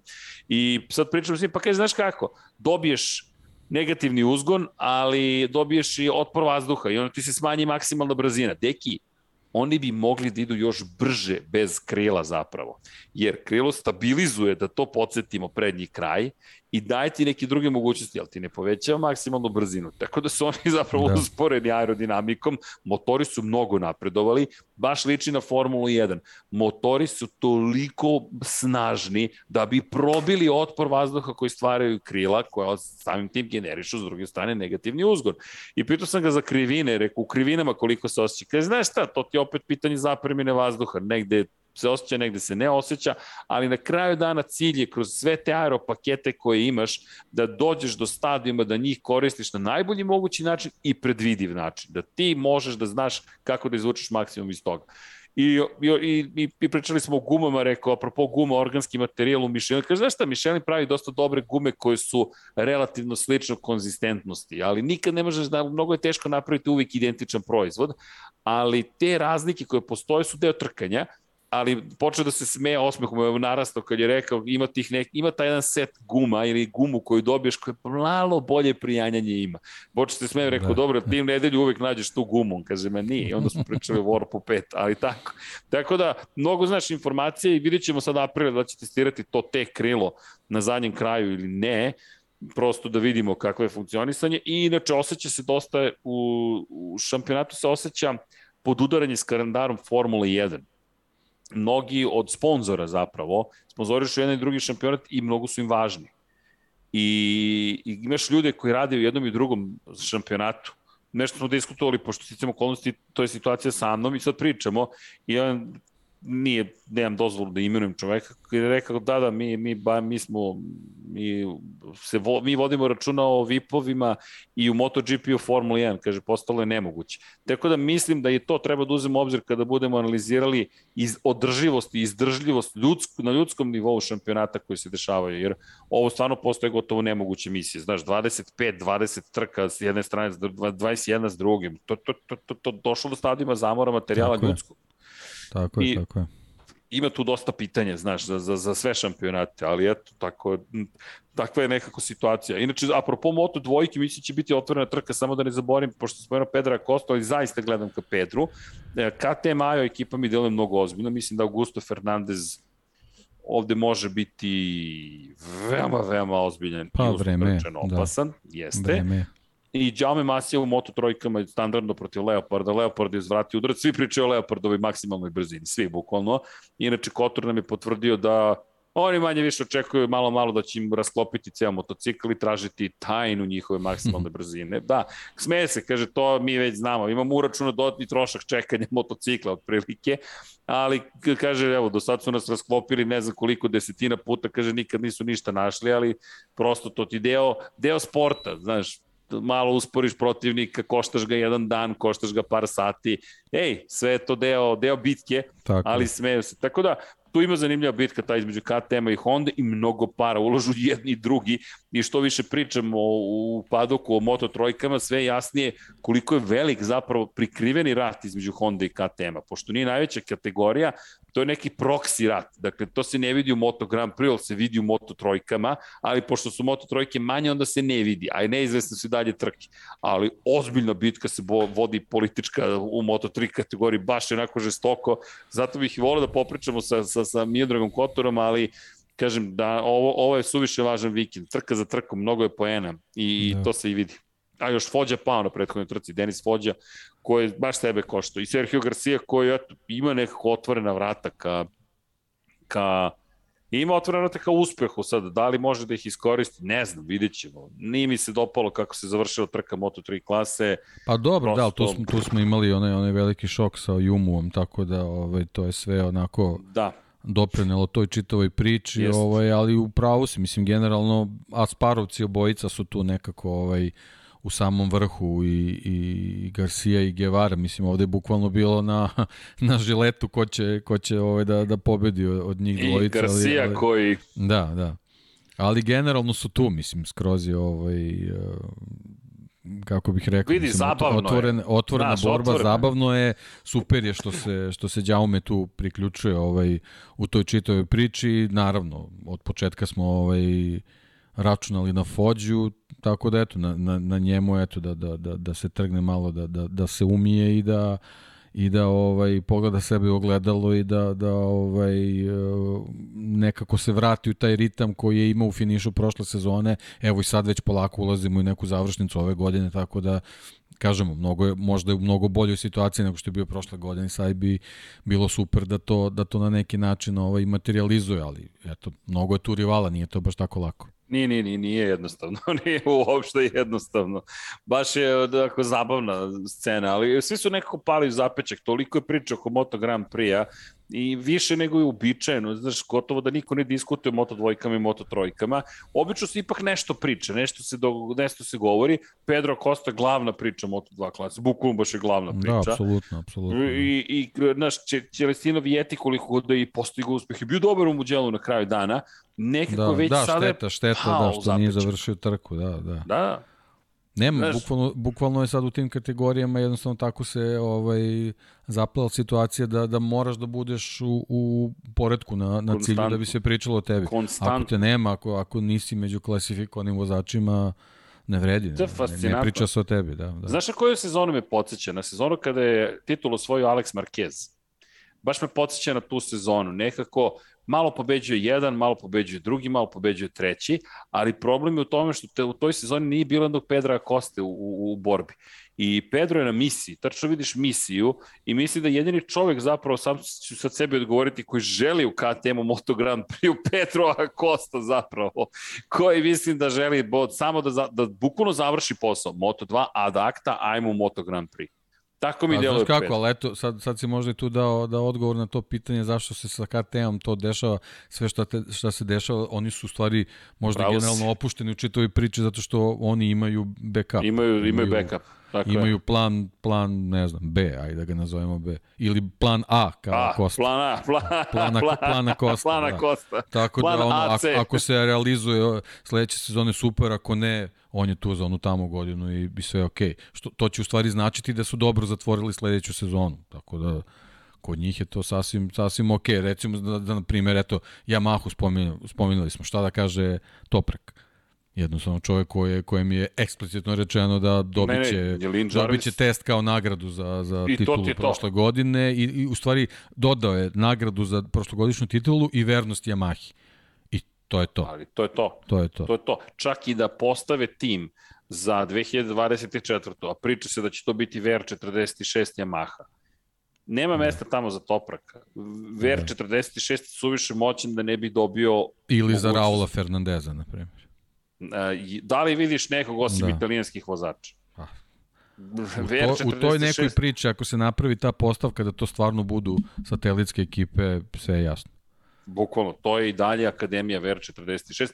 Činjenica je, Valentino Rossi prilično kosmopolitski tip i neko ko će možda sutra otvoriti vrata, ali njegov prevashodni cilj trenutno je da on bude ulazna tačka. Iskreno, moj utisak sa VR46 i Akademijom i ekipom je da je zapravo ovo preotimanje Moto Grand Prix-a iz ruku Dorne na jedan način. Da je ovo italijansko-španski sukob i da ti, kada sada pogledaš koliko italijanskih vozača na sve strane, e, Valentino Rossi kao da polako ponovo uspostavlja kontrolu nad šampionatom iz te perspektive. Ti kada okreneš se, VR46, VR46, VR46, ajmo ovako, zvanična oprema Yamaha je sa oznakama VR46, to u životu nisam video, ali to, to je opet moć Valentina Rosija. Dakle, Yamaha ovde piše VR46 kao proizvođač opreme, koji kao proizvođač opreme ikad ima svoj logotip na, na, na, na prednjoj strani. To je Rossi. Odeš u Ducati, na kombinezonu Peka Banjaje, stoji crno, na, po crna pozadina, žuto piše VR46. Pogledaš ka ka, kako se zove ekipi, bože, um, ko je još u, u VR46 akademiji, dobro, VR46 ceo tim, ali koga sam da. zaboravio? Franco Morbidelli, to sam teo da kažem. Franco Morbidelli, koji je takođe VR46. Dakle, VR46 je svugde. Imaš ga u Moto2 kategoriji i ti sad gledaš, čekaj, sad posmatram, posmatram sam prošle, prošle nedelje, inače, moj utisak je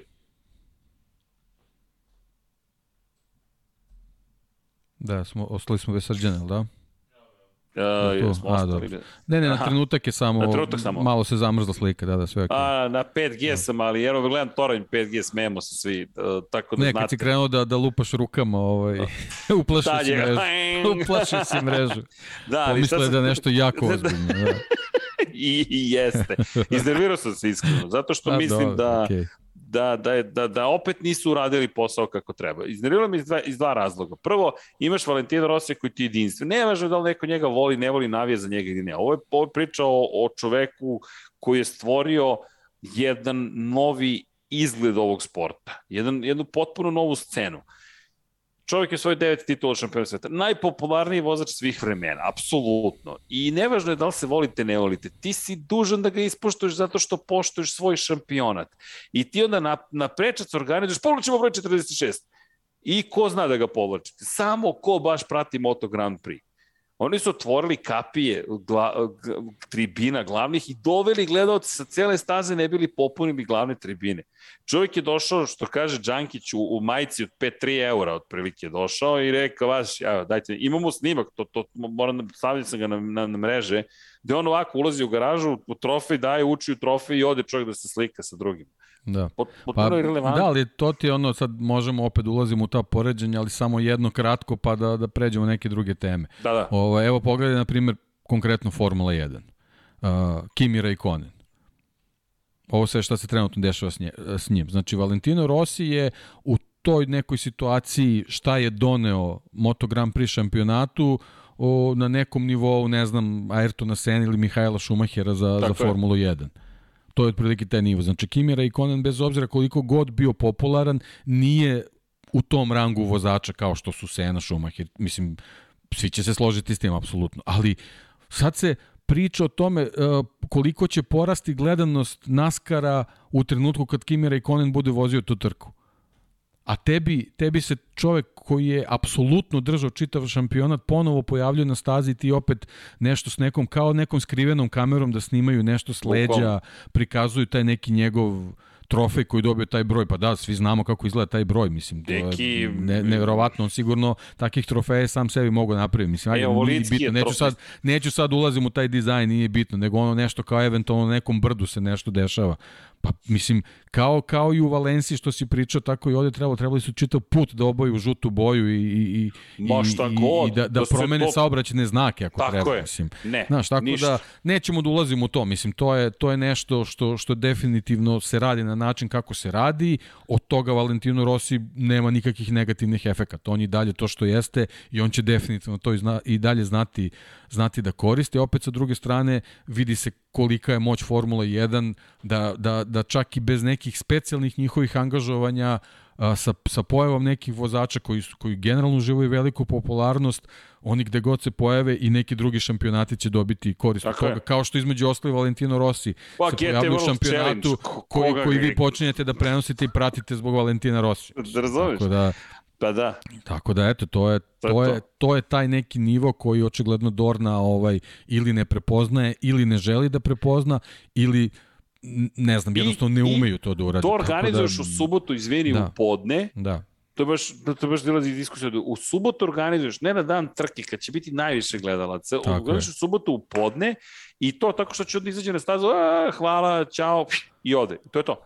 A onda Max Bjađi, tako, pazi sad ovo, i grozno i prema Bjađi i prema Rosiju. Max Bjađi je uveden u kuću slavnih. Četvorostruki svetski Da. šampion 250 kubika srednje klase. Legenda, bukvalno živa legenda, kao i Rossi. Veliki ljuti nikadašnji rivali. Aprilija njegova je tu od 250 kubika. On je vozio u nedelju.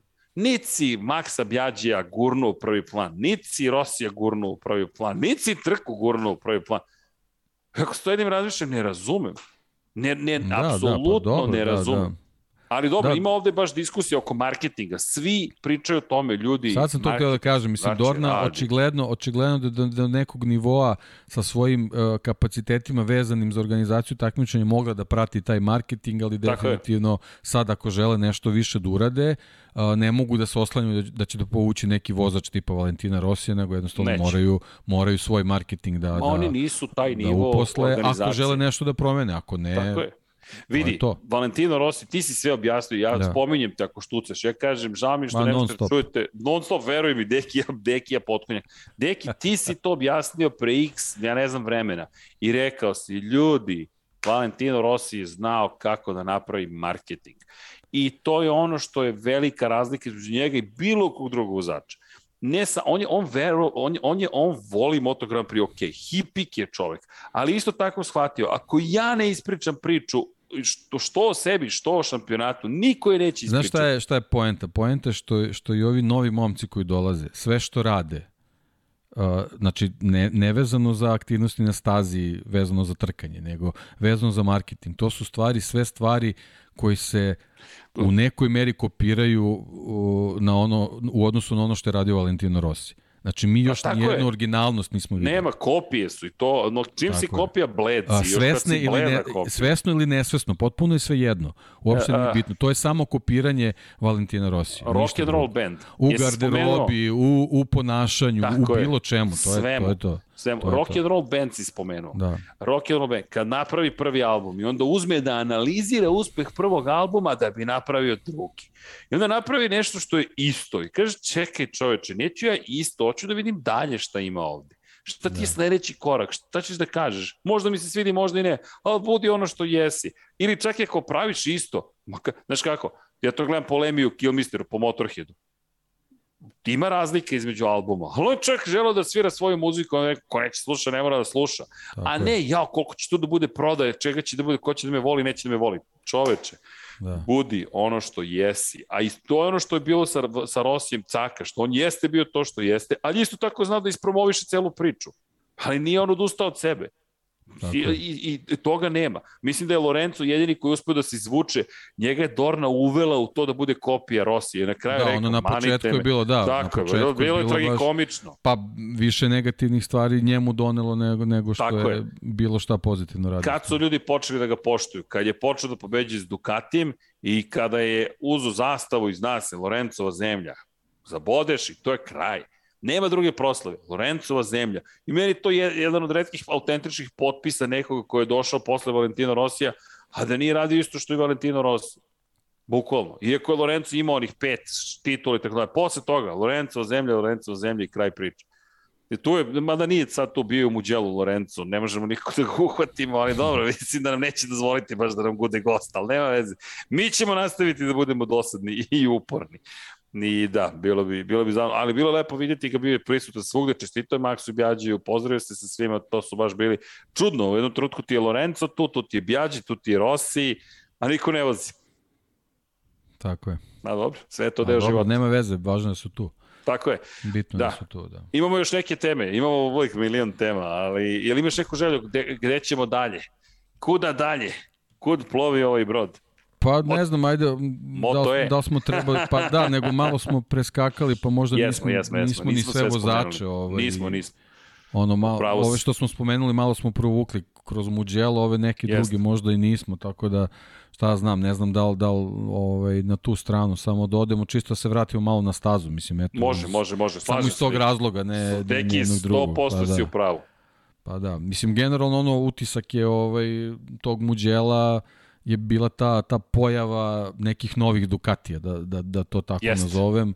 Tako da ovaj, meni, meni je to bilo onako pol strašno, strašno Fabio pozitivno. On ne samo pol pozicije, nego, nego generalno čitava Beceki i Marini. To mi je onako bilo, bilo Jest. super. Mislim, jeste to onako sad malo zabrinjavajuće kad pogledaš sve su kao neki Ducati u priči, ali ja bih ovoga puta to više gledao kroz, kroz pojavu, pojavu vozača, naravno. To je to je ono što je bitno i ako već spomenjemo Ducati, mislim ta maksimalna brzina koju Jorge Martin razvio, to je onako kako bih rekao, mislim, to je... Blago rečeno zastrašujuće. Pa da, da, da, ajde, ajde da kažem, ali, ali pre svega kažemo spektakularno, mislim, to Jest. je, to je Jest. taj spektakl koji Jest. Moto Grand Prix donosi i, i koji donosi Mugello i evo imali smo ga ponovo, tako da... Samo, samo digresija, To je ono izvini. što je bilo važno, da.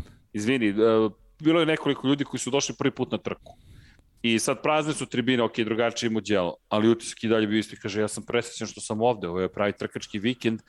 Njihova frapiranost, ok, standardno dvema stvarima, šta rade, kojom brzinom zapravo menjaju smer kretanja ljudi u krivinama, zapravo ima više stvari koje uvek ljude onesveste, moto trojke, svi dođu i kažu, čekaj, ja sam znao da su Moto Grand Prix brzi, ali ovo, čekaj, znaš kojom brzinom se oni kreću? Znam kojom se brzinom kreću i, i, i, i ta, to oduševljenost veštinom i naravno maksimalno brzine koje, su, koje se razvija u Muđelu, ko nije bio na tim kraljicama brzine, pogotovo u Muđelu koji nema pravac, koji je zapravo e, vijuganje, svi su bili, ne mogu reći čak ni oduševljeni, ponovo zaljubljeni u Moto Grand Prix i vidiš ljude koji s ljubavlju pričaju o tome šta su doživjeli. Da. Pa da, ali to je, to je ono nešto, kako da kažem, ono iskonsko zbog čega smo ovo sve, sve i počeli sa, sa lapom i to je, to je poenta je. priča. Ne poenta priča gde će ko sad da pređe u ovom trenutku, nego jednostavno kad, kad se ode na tako neku trku, jednostavno da da, da se to da podeli s ljudima, tako je, da, da, da se podeli s ljudima koji možda nisu mogli tamo da ode,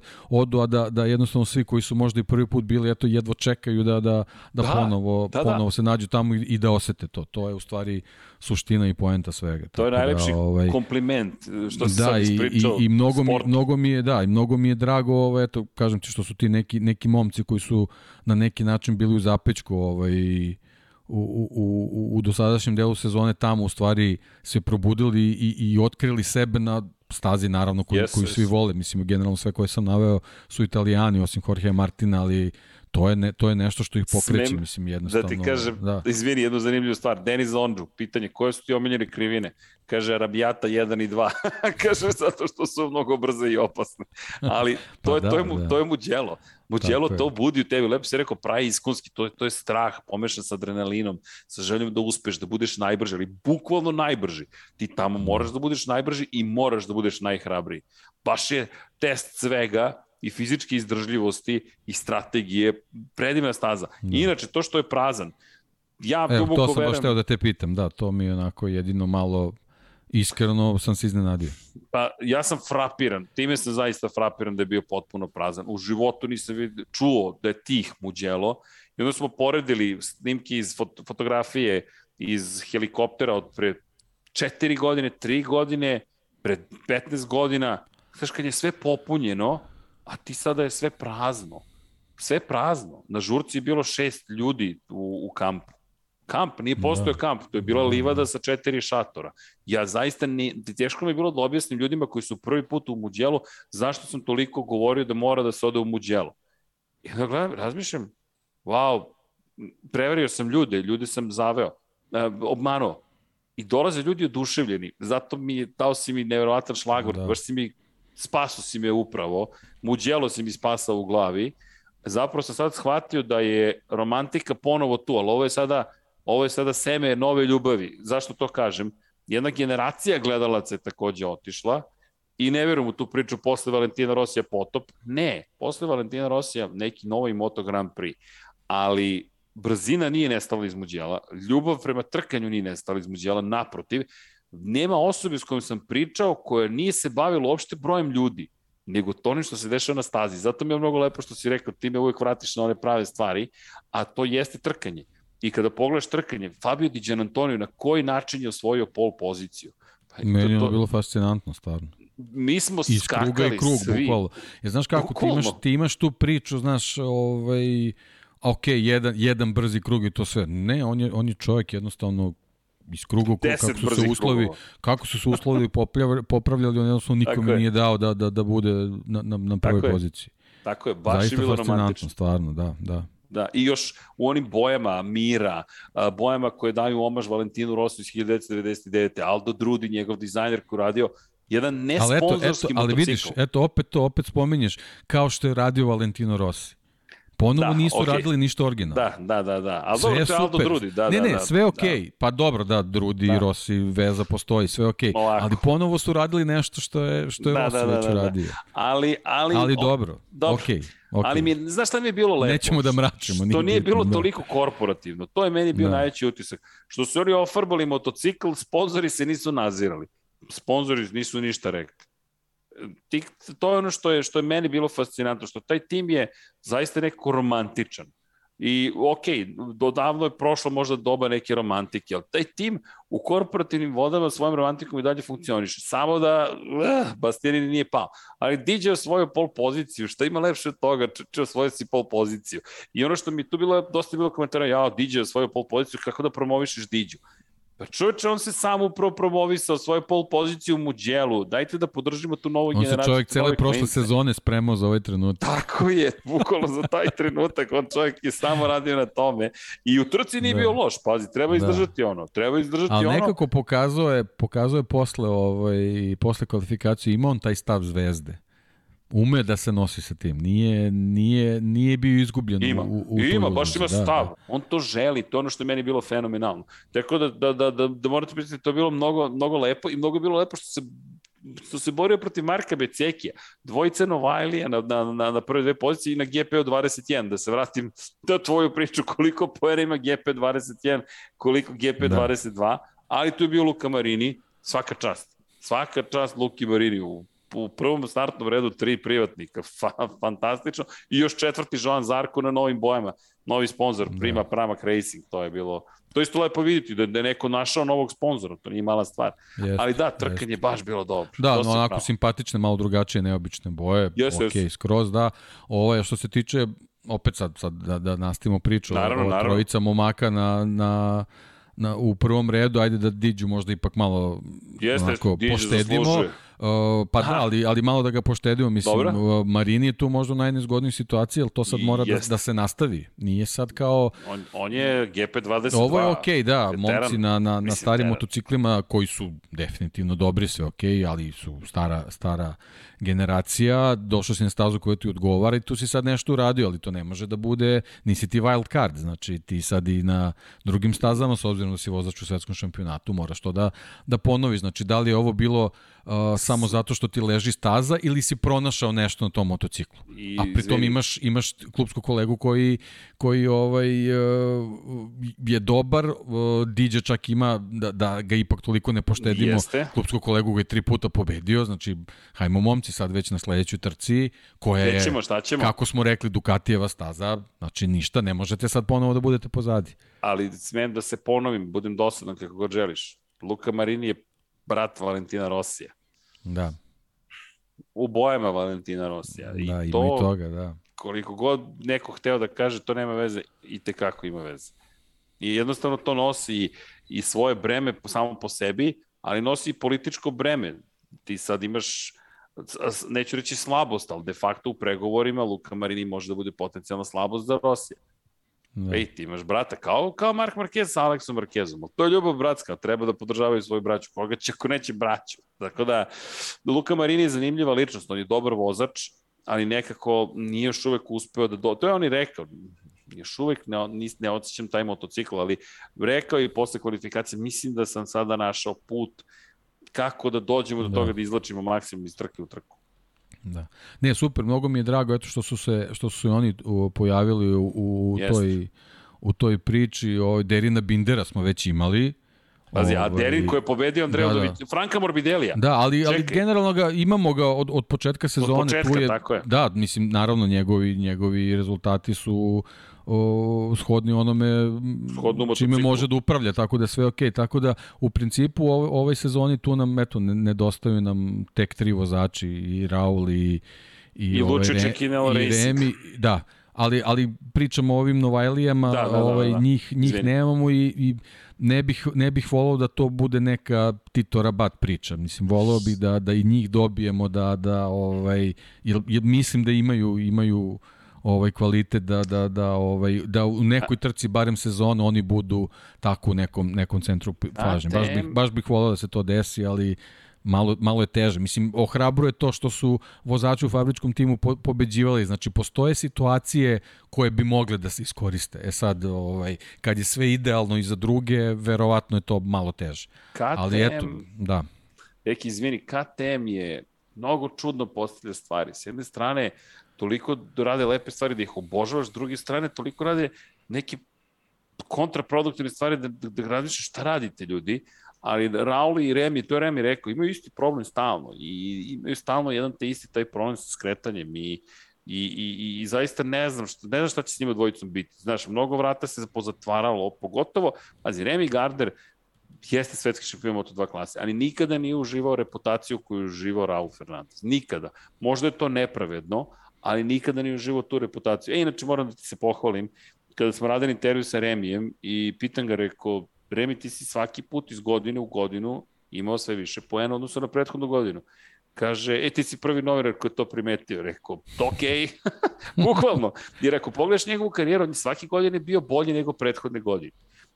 I, i, i čovjek je tri puta poravio, ti si prvi koji je konstatovao, rekao, ok, mhm. sad se osjećam ponosno, ali šta radiš da bi uspeo u tome? Nima objašnjenje. I mislim da to nedostaje Remiju Gardneru i ostalim. I danas sam ga pitao, dobro, šta ti je plan za dalji razvoj? On kaže, ne, ne razvijam ja motocikl. Kao, nema razvoja dok ne sredi stvari. Ja shvatam, ono uopšte ne razume šta ga pitam. Nisam se ja ni lepo izrazio na engleskom jeziku, moram da poboljšam to. Ali rekao, koji je tvoj plan tvog razvoja? I on kaže, ja ću dati sve od sebe. Nema da, plana. Da, da, da. Nema plana. Tako da ovo što si pričao za Novajlija je mnogo važno I mislim da za Marka Beceki, ja nemam pojma šta, moram, moram da ga negde nahvatam da popričam sa njim, ali Marko Beceki, ja stojim pre ono što smo rekli u Kataru, deluje sjajno na tom Ducati i ova lepa potvrda je super stvar. Za 88 hiljitniki pobegla pol pozicija, ali danje Marko tu i ono što mislim da će se desiti na stazi ovde u Barceloni, mislim da Diđa, nažalost, ide korak unazad, uslovno rečeno, da neće biti ni blizu onog nivoa koji ima u Muđelu, bile su i specifične okolnosti. Inače, Fabio Quartararo rekao da smatra da nisu smele da se voze kvalifikacije, su bile opasne po život.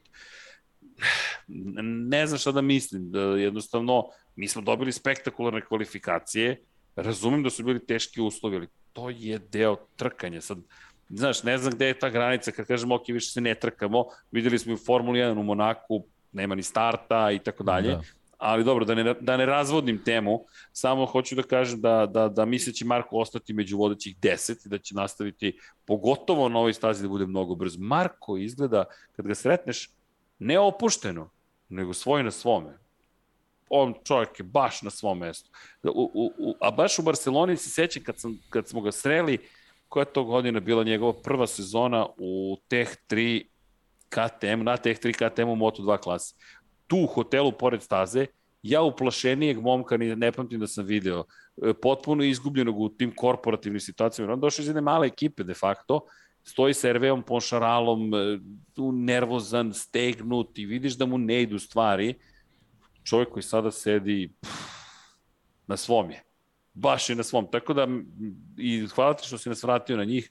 Od Marka Beceke i dalje očekujem najviše, ali lepo si rekao za Luku. Ogroman pritisak je na Luki imaš fabrički motocikl za ovu sezonu, rezultata nema, nemaš čak ni taj skok, e sad imaš skok, sad si odskočio makar na trenutak Tako i je. lepo je bilo vidjeti ih, to je ono što je bilo baš potrebno, taj skok koji svi ostali imaju. Jorge Martin inače ide na operaciju posle ove trke, nije u dobrom stanju, baš se vidi da nije u dobrom stanju. I Zarko, Zarko će imati podršku sa tribina, on je relativno blizu rođen na, na jugu Francuske, uvek u Barceloni ima puno gledalaca, ali ne znam, ja sam Dobro, sve nešto... Ima, ima i to opterećenje da malo popravi se kod prošle godine, to je baš onako bez veze sve ispalo. Ovo, ovaj, tako da... Jeste, ali... Ali, ali stalno je ista ah. priča, iste, iste, iste reči koristimo e, pa u rečenici. E pa to ti je Tito Rabat, da. efekat samo da. su bolji rezultati, da. ali da, da. kad će pobeda, ja se bojim da je negde u Muđelu sam pomišljao da, da, da Francuzi mogu da budu opusni, ali Zarko je baš nestao na startu. Baš je, da. baš izgledao prosečno, to je najgore. To je najgore. Da, i opet je čak i, i dobar rezultat ostvario s obzirom kako, kako je bio nevidljiv u principu. Da, da, to je zanimljivo. To sam Breda Bindera pitao, rekao, ima 65 poena, kaže, on onda zabacio korporativnu spiku. Da, ovo je challenging year za nas, ima puno izazova, la, la, rekao, dobro, promašio sam pitanje. Ali dobro, I pa, znaš i sam kad da. promašiš pitanje dobiješ automatsku go, po poštu. Govorna pošta se uključila, da. čekaj da odgovorim, onda posle malo da sam da. pogodio prava pitanja i tako. Da. Ali Dvojicu momaka još nismo spomenuli. Jack Miller. Da. Šta reći? Eto, Hoćeš spomenuli ti? smo ga. Pa, ajde ti, pošto ajde. Ti, ga, ti ga apostrofiraš od početka. Uf, imao je, imao je peh na početku trke da si išao van staze, ali ti si u Muđelu, ti, opet nešto se ali neko desilo. Ne, ne znam šta bih rekao, zaista za Jacka Millera. Ne, ne, ne znam, moj, nemam, ne, mislim da nešto stvarno mora da se menja, jer ovo je sada već ušlo u kolotečinu. Jedna trka dobra, druga trka ne dobra, malo sam tužan, malo sam srećan, ali suštinski mnogo više mora da da neko kao fabrički vozač ekipe Ducati. Zaista mora mnogo više da da zabavanje i ono što mi je šteta što u Francuskoj bio toliko divan s jedne strane, onda u drugoj trci je nestao i, i tako. Sad ćemo opet dobiti možda malo bolju verziju Jacka Millera, stabilniju, pa će u Saxonringu neće biti ničega jer takva staza, e onda će u Asenu opet da podivlja po kiši, na primjer, da bude među vodećim trojicom i tako u krug. Da, e. ali znaš kako, to rekao si na startu, si išao sa staze sve to, ali on imao grozne kvalifikacije. Imao grozne. Mislim, to je, u uslovima koji ceo, njemu odgovaraju. Da, ceo, ceo taj vikend je onako baš bez veze prošao. Bled, tako da, bled. Da. I to pred svim, bio je, Claudio Domenicali je bio prisutan, izvrši direktor Ducatija. On čak bio prisutan da, da vidi kako u prvom startnom redu stoje tri Ducatija. Privatna, privatna, ali stoje tri Ducatija i pobeđuje Peko Banjaje, savršen vikend iz te perspektive. A Domenicali je to mnogo važno, Bolonja je blizu, 60 km koliko već. Od Borgo Panigale, u sredu su se Dukatijevci skupili na stazi, bilo fešta, ali znaš šta je poražavajuće? Nije bilo tribine Dukati. Niko nije kupio da. ulaznice da, za Dukati. To, to smo pričali. KTM da. imao svoju da. tribinu. Da. Ali dobro. I ko je drugi? Da. Koga sam promašio? Promašio si... Pita Mičela. Pita, aj, aj, aj, aj, aj, pa misli da to sve govori. A misli da deki... Ne, ne, ne, pazi, ovoga puta moram da kažem, pazi, startuješ 24. završiš ne, 12. Ne, ne, na onakoj se, trci. Slažem se, slažem se. te, jedno, jedno od boljih izdanja. Jedno, jedno od boljih, boljih izdanja. izdanja. Ne, Maverick je, jao, baš je priča za sebe. Moram ti pridati, ja se iskreno nadam da, vidite, ja smo nešto razmišljali, ko nije pogledao podcast Movie Night, neka pogleda Movie Night. Inače, znaš šta moramo da uradimo, deki? Izvini, pošto si mi sredi ova testiranja u ponedeljak. Dobro. Da ti sredim jedan Movie Night kada možemo da pričamo otvoreno o filmu. Jer razmišljam, ovaj film je prvi film možda koji posle duže vremena da zaslužuje da mu se vratimo, ja mislim. Jer mene ostavi utisak i dalje razmišljamo o, o Top Gun Maverick. Moram ti priznati. Razmišljam, čeče, oni su uspeli neku formulu da, da, da naprave koja, koja, koja je baš dobra na kraju ispala. Ali da ne odem sad u priču o tome. Uh, Maverick Vinales, upravo si, jedna od boljih trka, u, pogotovo u trenutku kada je zvanično rečeno da on nije vozač broj 1, kapiten se zna ko je, ali je produžio ugovor i zanimljiv je taj izbor Massima Rivole u stabilnost. Ja mislim da je Massimo Rivola u pravu kada je reč o filozofiji, ne i nužno kada je izbor vozača i ne zato što imam nešto protiv Vinjalesa, već mislim da su mogli da izaberu boljeg vozača. Ali, razumem i Rivolu, u ovom trenutku ništa ne remeti tvoju ekipu. Maverick Vinales nije smetnja Alešu Espargaru, Dakle, nije došao i pobedio ga kao što sam ja očekivao da će se desiti. Nije uznemirio odnose u, fir, u firmi, u, u, u ekipi, u kompaniji, kako god. A i dalje tu ima brzine. Tako da mislim da Rivola radi odličan posao. A ako neko može da izvuče nešto, izvinjale se, možda će to biti Rivola. Ne očekujem da će postati šampion sveta, ali zaista pohvale i Vinjales koji baš puno radi na sebi da ostane pribran. To se baš videlo na konferenciji za medije kao da ima mantre kako da ostane smiren, pribran i tako dalje. I ono što se još desilo i što se sve češće dešava u Ducatijevoj ekipi i u Aprili, vozači jedan, ne nominalno, mislim nominalno zapravo, dakle oni koji su, nisu deklarativno broj jedan, odlaze kod vozača broj 2 da pričaju sa njima i onda da ih povuku. I Aleš je, to mi je fascinantno da je Vinjales prihvatio pomoć Aleša Espargara, tako da sve pohvale zaista za Vinjalesa i nadam se da to neki pravi put, ali isto tako ću ti reći sve ovo utešna nagrada, zato sam i reagovao onako na početku, kažem šta reći. I dalje to nije čovjek koji se bori za pobede. A Maverick Vinales nije došao u Moto Grand Prix da bi bio 12. zato što je startovao poslednji. Uz svo dužno poštovanje prema sjajnoj trci. Ne znam da, da li deliš moje mišljenje. Podelit to nije, Podelit ću. Okay. to nije razlog zašto je došao u Moto Grand Prix. Samo apsolutno, to, sa tim pa imam dobro, problem. Apsolutno, nego eto, hteo sam malo, malo da unesem pozitivac. Ali si ga pohvalio, to, Sad to je pozitiva. Sad skroz, tako da izvini, izvini, ne, ne, ne, ne, ne, nema veze. ne, ne, ne, ne, ne. I dalje je pozitivno, zaista. Znaš, možda sam suviše realan nekako. Ma ne, ma ne, šalim se, ali, veze, naravno, mislim. Voleo bih, to je, ja, to je problem za sve vozače kad je timski kolega na nekom drugom nivou, šta da, šta da pričamo Morbideliju, mislim. Pa, nismo ga spomenuli, konstatovali pa, smo se da, da, da je konstatovali da ima ugovor da. do sledeće godine. Spomenuli smo ga kao nekoga da, koji je iza Derina da. Bindera. Eto da. tako. Znaš, Franco Morbidelli, to sam malo pre ti kažem za Yamahu. Znaš i ti, najveći pritisak da. će biti na njemu. To ti da, to, ali ja mislim da, da ni Yamaha, mislim da ulazimo u ono što si rekao, samo se potvrđuju tvoje reči, još jednom milioniti put ulazimo u Formulu 1.90-ih, prvi vozač, drugi vozač, kraj, ad acta, tačka. I Franco Morbidelli isto tako. Šta, remeti, kvartarar koji je rekao, gubitak satelitskih IP meni ništa ne znači. Ja podatke njihove ne mogu ni da koristim.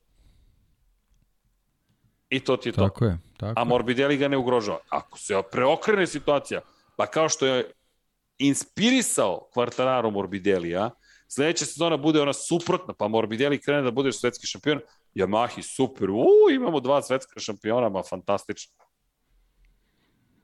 Tako pa je. da će se desiti, nema Tako je, pa dobro, da, vidjet ćemo. Vidjet to je na njima. Uh, drugari, uh, 7.49. Jeste, ispušta se mrak polako, sve si nam tamniji. Da, to sam hteo da vam kažem. Vanja se od poruka da ti kažu pali srđane neko svetlo. Ali da upali ne neko da. svetlo, a... Ne, ne, pa nema razloga, evo, to je, to je znak da polako moramo završavamo, pošto... Da, da, ovaj, da, da, da, da, izvinjam Inače je ovaj, ovaj podcast ovaj, emitovan u ovom terminu upravo iz razloga što, što je Srđan mogao da koristi ovu komentatorsku kabinu sa da. internetom i tako dalje, tako dalje. Nismo bili sigurni da li će moći da, da u 9 sati bude ovaj prisutan. 21 u stvari da. prisutan, da li, će, da li će moći u stvari da koristi kabinu, pa smo zato ovaj, ali, to drugari... i pomerili čisto da bi mogo da se čuje sa, sa lica mesta, ali Evo, e, uspeli smo, a generalno studio će kasnije biti zauzet, tako da... Ovaj, ima još jedna stvar. Ovo je da, bio da, mogući termin, da. Da, ali ima još jedna stvar. Drugari iz Dorne su došli i, ka, i gledaju opremu. Aha, šta radiš? Black Magic, Claret, ok, dobro rasveta, gde ti rasveta?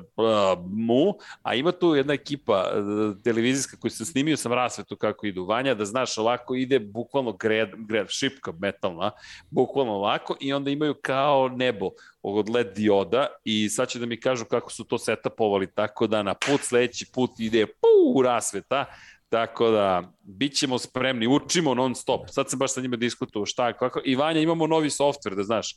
OBS odlazi u prošlost, dolaze nove stvari i tako dalje i tako dalje. Dobro, ostavite to za kasni interni chat, nemojte interni sada. chat, ne, a dobro, da, izvinjam hoćemo, se. Hoćemo znaš, sad samo da odradimo Brembu, pošto imamo ovaj kao... E da, kao ajmo, najsnažnija tačka kočenja, da. pogodite da. gde je.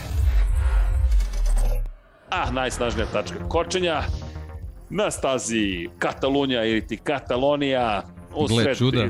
Da, da, blizu Barcelone. Inače, 34% kruga se koči, ima dosta ovde kočenja i kao što možete vidjeti gotovo kilometar i po krivina broj 1 je I mesto. Evo je, da, da, da, to je tako, je, tako je, tako je. Hoćeš ti? ne, ne, ti slobodno. ovde smo se, ovde me Deki pretekao, to uvek ponavljam, 342 km, čas nismo se tom brzinom kretali, trčali smo i opterećenje 6,4 kPa na, na ručicu kočice, 13,6 bara, pritisak, a inače, za osnovni put 275 metara, negativno ubrzanje 1,5 sila zemljene teže i zaostavno vreme je 5,6 sekundi. I ono što je tu fascinantno je što je zapravo ta tačka kočenja na nizbrdici. I to je čini posebno zahtevom, zato se pred zadnji kraj toliko podiže često ovde i fenomenalno. I zaista je jedna od najlepših stvari a mi možemo samo da vas pozovemo da gledate trke naravno u 11, 20, 12, 20 i 14.00 kada je reč o Moto3, Moto2 i Moto Grand Prix kategorijama, nema Moto E klase. Tokom ovog vikenda nema Red Bullovog kupa Novajlija, postoje Monster Energy sponsor same trke, tako da taj film se ne prikazuje u isto vreme, ali činjenice da zalazi sunce ovde polako, ne baš zalazi, ali već je tamnije i tamnije. Deki, hoćeš ti da pročitaš možda ili kako ćemo da se zahvalimo našim patronima i YouTube članovima? Imaš i ti knjigu iza. I, imam ja ti knjigu, da. Izvuko si se, jao, da. Deki, kako iskustvo, jao, kakvo neiskustvo s moje strane. Ali, jao, mm, kakva knjiga. Još miriše. Mada ovo onaj primjerak što se šeta. Znaš šta sam shvatio? Ići ću sada sve vozače da pitam za autogram Nema veze što Rossi. Super. Mislim da Može, se neće da, pobuniti. Da, da. da nam to bude da. jedan ovih šetajući primjer koji je potpisan. Elem, ko želi da nas podrži, patreon.com kroz Infinity Lighthouse, apsolutno nam znači, pomažete da se ovakve stvari dese, zaista, a mi možemo makar da se zahvalimo time što su vaše imena i prezimena ovde. YouTube članovi takođe nas podržavaju na ovaj način potrudit ćemo se sada da stignemo čuveni dodatni sadržaj o kojem toliko pričamo i da ulepšamo neke stvari. Tu je studio na kraju univerzuma je u knjizi. Kaže, mesto gde se žive snovi. Ej, tvoj tigar je upao da znaš. Dakle, Bengalsi su u knjizi. Jel tako? Tako A, je. Sajim. A i Ducati koji smo sklapali. Sve, svega ovde ima. Elem, ajmo mi da se zahvalimo. Dragi ljudi, krenut ću od YouTube članova ovoga puta, čitam sa staze. Neven bio centar, Nikola Grđan, Miloš Stanimirović, Vukašin Pelbov, Igor Ilić, Voča Pero, Marko Stojilković, Bakadu, Bojan Gitarić, Ivan Magdalenić, Ivan Vojasinović, Resničarin, Mladen Mladenović, Tatjana Lemajić, Veselin Vukićević, Stojan Sabo, Mladen Dukić, Marko Bogavac, Branislav Dević, Vukašin Vučenović, Almedin Ahmetović, Nemanja Labović, Aleksandar Kockar, Miloš Zed LFC, Nikola Kojić, Nemanja Miloradović, Zvonimir Papić, Ivan Božanić, Marina, Vlada Ivanović, Oliver Nikolić, Andrija Todorović, Jelena Jeremić, Kalabi Jao, Aleksandar Nikolić, Lukas Kok, Petar Bijelić, Milorad Reljić, Nemanja, Bojan Markov, Danilo Petrović, Nenad Simić, Nemanja Bračko, Kosta Berić, Aleks Vulović, Andreja David, Pavle Lukić, Milan Knežević, Žarko Ivanović, Armin Šabanija, Nenad Lukić. Patreon pokrovitelji Ozren Prpić, Jelena Jeremić, Sava, Ivan Toškov, Stefan Dulić, Mladen Krstić, Marko Mostarac, Marko Bogavac, Nenad Ivić, Toni Ruščić, Ivan Maksimović, Zoltan Mezeji, Mario Vidović, Miloš Banduka, Aleksa Vučaj, Zoran Šalamun, Ivan Simonović, Predrag Simić, Đorđe Radović, Mihajlo Krgović, Filip Banovački, Nikola Božinović, Nenad Đorđević, Miroslav Vučinić, Monika Erceg, Omer Kovačić, Aleksandar Gošić, Jelena Mak, Luka Savović, Žorž, Stefan Vidić, Mlađan Antić, Marko Ćurčić, Borko Božunović, Milan Nešković, Bojan Mijatović, Petar Relić, Nenad Simić, Boris Gvozden, Andrej Božo, Josip Kovačić, Mirjana Živković, Boris Golubar, Đorđe Andrić, Zorana Vidić, Luka Manitašević, Ljubo Đurović, Miloš Vuletić, Dušan Ristić, Marina Mihajlović, Nemanja Miloradović, Vukašin Vučenović, Đole Bronkos, Miroslav Cvetić, Stefan Milošević, Antonio Novak, Jasenko Samarđić, Nikola Stranić, Mihovil Stamičar, Zoran Majdov, Nemanja Jeremić, Stefan Nedeljković, Lazar Pejević, Jan Gajan, Aleksa Jelić, Tijana Vidanović, Boris Kujundžić, Aleksandar Antonović, Nemanja Zagorac, Dejan Vujović, Aca Vizla, Milan Ristić, Igor Vučković, Vukašin Jekić, Igor Gašparević, Aleksandar M, Žarko Mirić, Branko Bisački, Dejan Đokić, Bahtira Durmanov, Bojan Markov, Alen Stojičić, Ognjen Ugurjanović, Ertan Prelić, Andrija Todorović, Emir Mesić, Miloš Todorov, Pavle Njemec, Đorđe Đukić, Vanja Radulović, Vladimir Petković, Vladimir Filipović, Aleksandar Jurić, Strahinja Blagović, Depressed Cody Garban, Fan, Jovan Jodan, Jovan Jodan, oprostite, Stefan Stanković, Boris Erceg, Katarina Marković, Ivan Panajotović, Ivan C, Dimitrije Mišić, Veselin Vukićić, Andrej Bicok, Nijebojša Živanović, Andreja Branković, Nenad Panterić, Jugoslav Krasnić, Vlada Ivanović, Stefan Janković, Aleksandar Banovac, Miloš Odosavljić, Grgo Živoljić, Matija Rajić, Zoran Cimeša, Petar Nujić, Danijela Ilić, Ferenc Laslov i Predrag Pižurica, Ognjan Marinković, Borislav Jovanović, Branislav Marković, Andreja David, Nikola Grujičić i 15 tajnih pokrovitelja. Možda vas ima još više, a mi se nadamo da ćete i kupiti knjigu i pročitati i da ćete zaista uživati. Mi smo uživali u pravljenju ove knjige, da ne kažem prevodu, pripremi, prelomama i tako dalje. I ja sam preponosan. Ljudi, deki, nadam se da ste i vi. Šta da vam kažem, Deki, ako ste tu još uvek. Tu smo, tu smo kako Tu ne. smo, javite da, se, da, drugari, da, da. to vam kažem. Knjigu možete kupiti kod nas shop.infinitylighthouse.com, imate i dve autorske knjige, Crveno i crno, gospodin Dejan Potkonjak o Mihajlu Šumacheru i Put ka savršenstvu o Ayrtonu Senu, Seni, takođe gospodin Dejan Potkonjak. I imate neotkriveni Kimi Raikkonen, dakle, još jedan prevod, četiri knjige imamo, uhu, imamo i mnogo majice i kačkete, čak i kačkete još uvek imamo i tako. Nadam se da ćete posetiti shop, to je najveća podrška i zaista hvala, a drugo stvar, lepo je imati čitati knjige i deki, sad ti kažem, volim te, naravno. Elem, želim vam ostatak večeri prijetan da vam bude. Deki, sad ti kažem, hvala ti, kao i uvek. Hvala tebi, Srki. Pa da vidimo kakva će nam trka biti. Udrite like, naravno, i sve ostalo. A Deki, kako će mi da se pozdravimo? U sinku smo, Hoćemo, kako god ti poželiš, hoćemo da smislimo neki novi način da se pozdravimo ili ne. U, moram da naučim da brojim. 1, 2, 3, 4, 5, 6, Se, ja ću tako, dobro, to nismo daleko. Da. Ali, deki, hoćemo na 1, 2, 3, mislim da je to Ajde, najlakše. Može, može. Hoćemo. Vanja, jesi spreman? Ne čujem Vanju, ali od uvek spreman. Pokazuje, Ljudi, thumbs up, da. Thumbs up. 1, 2, 3. Ćao svima. Ćao svima.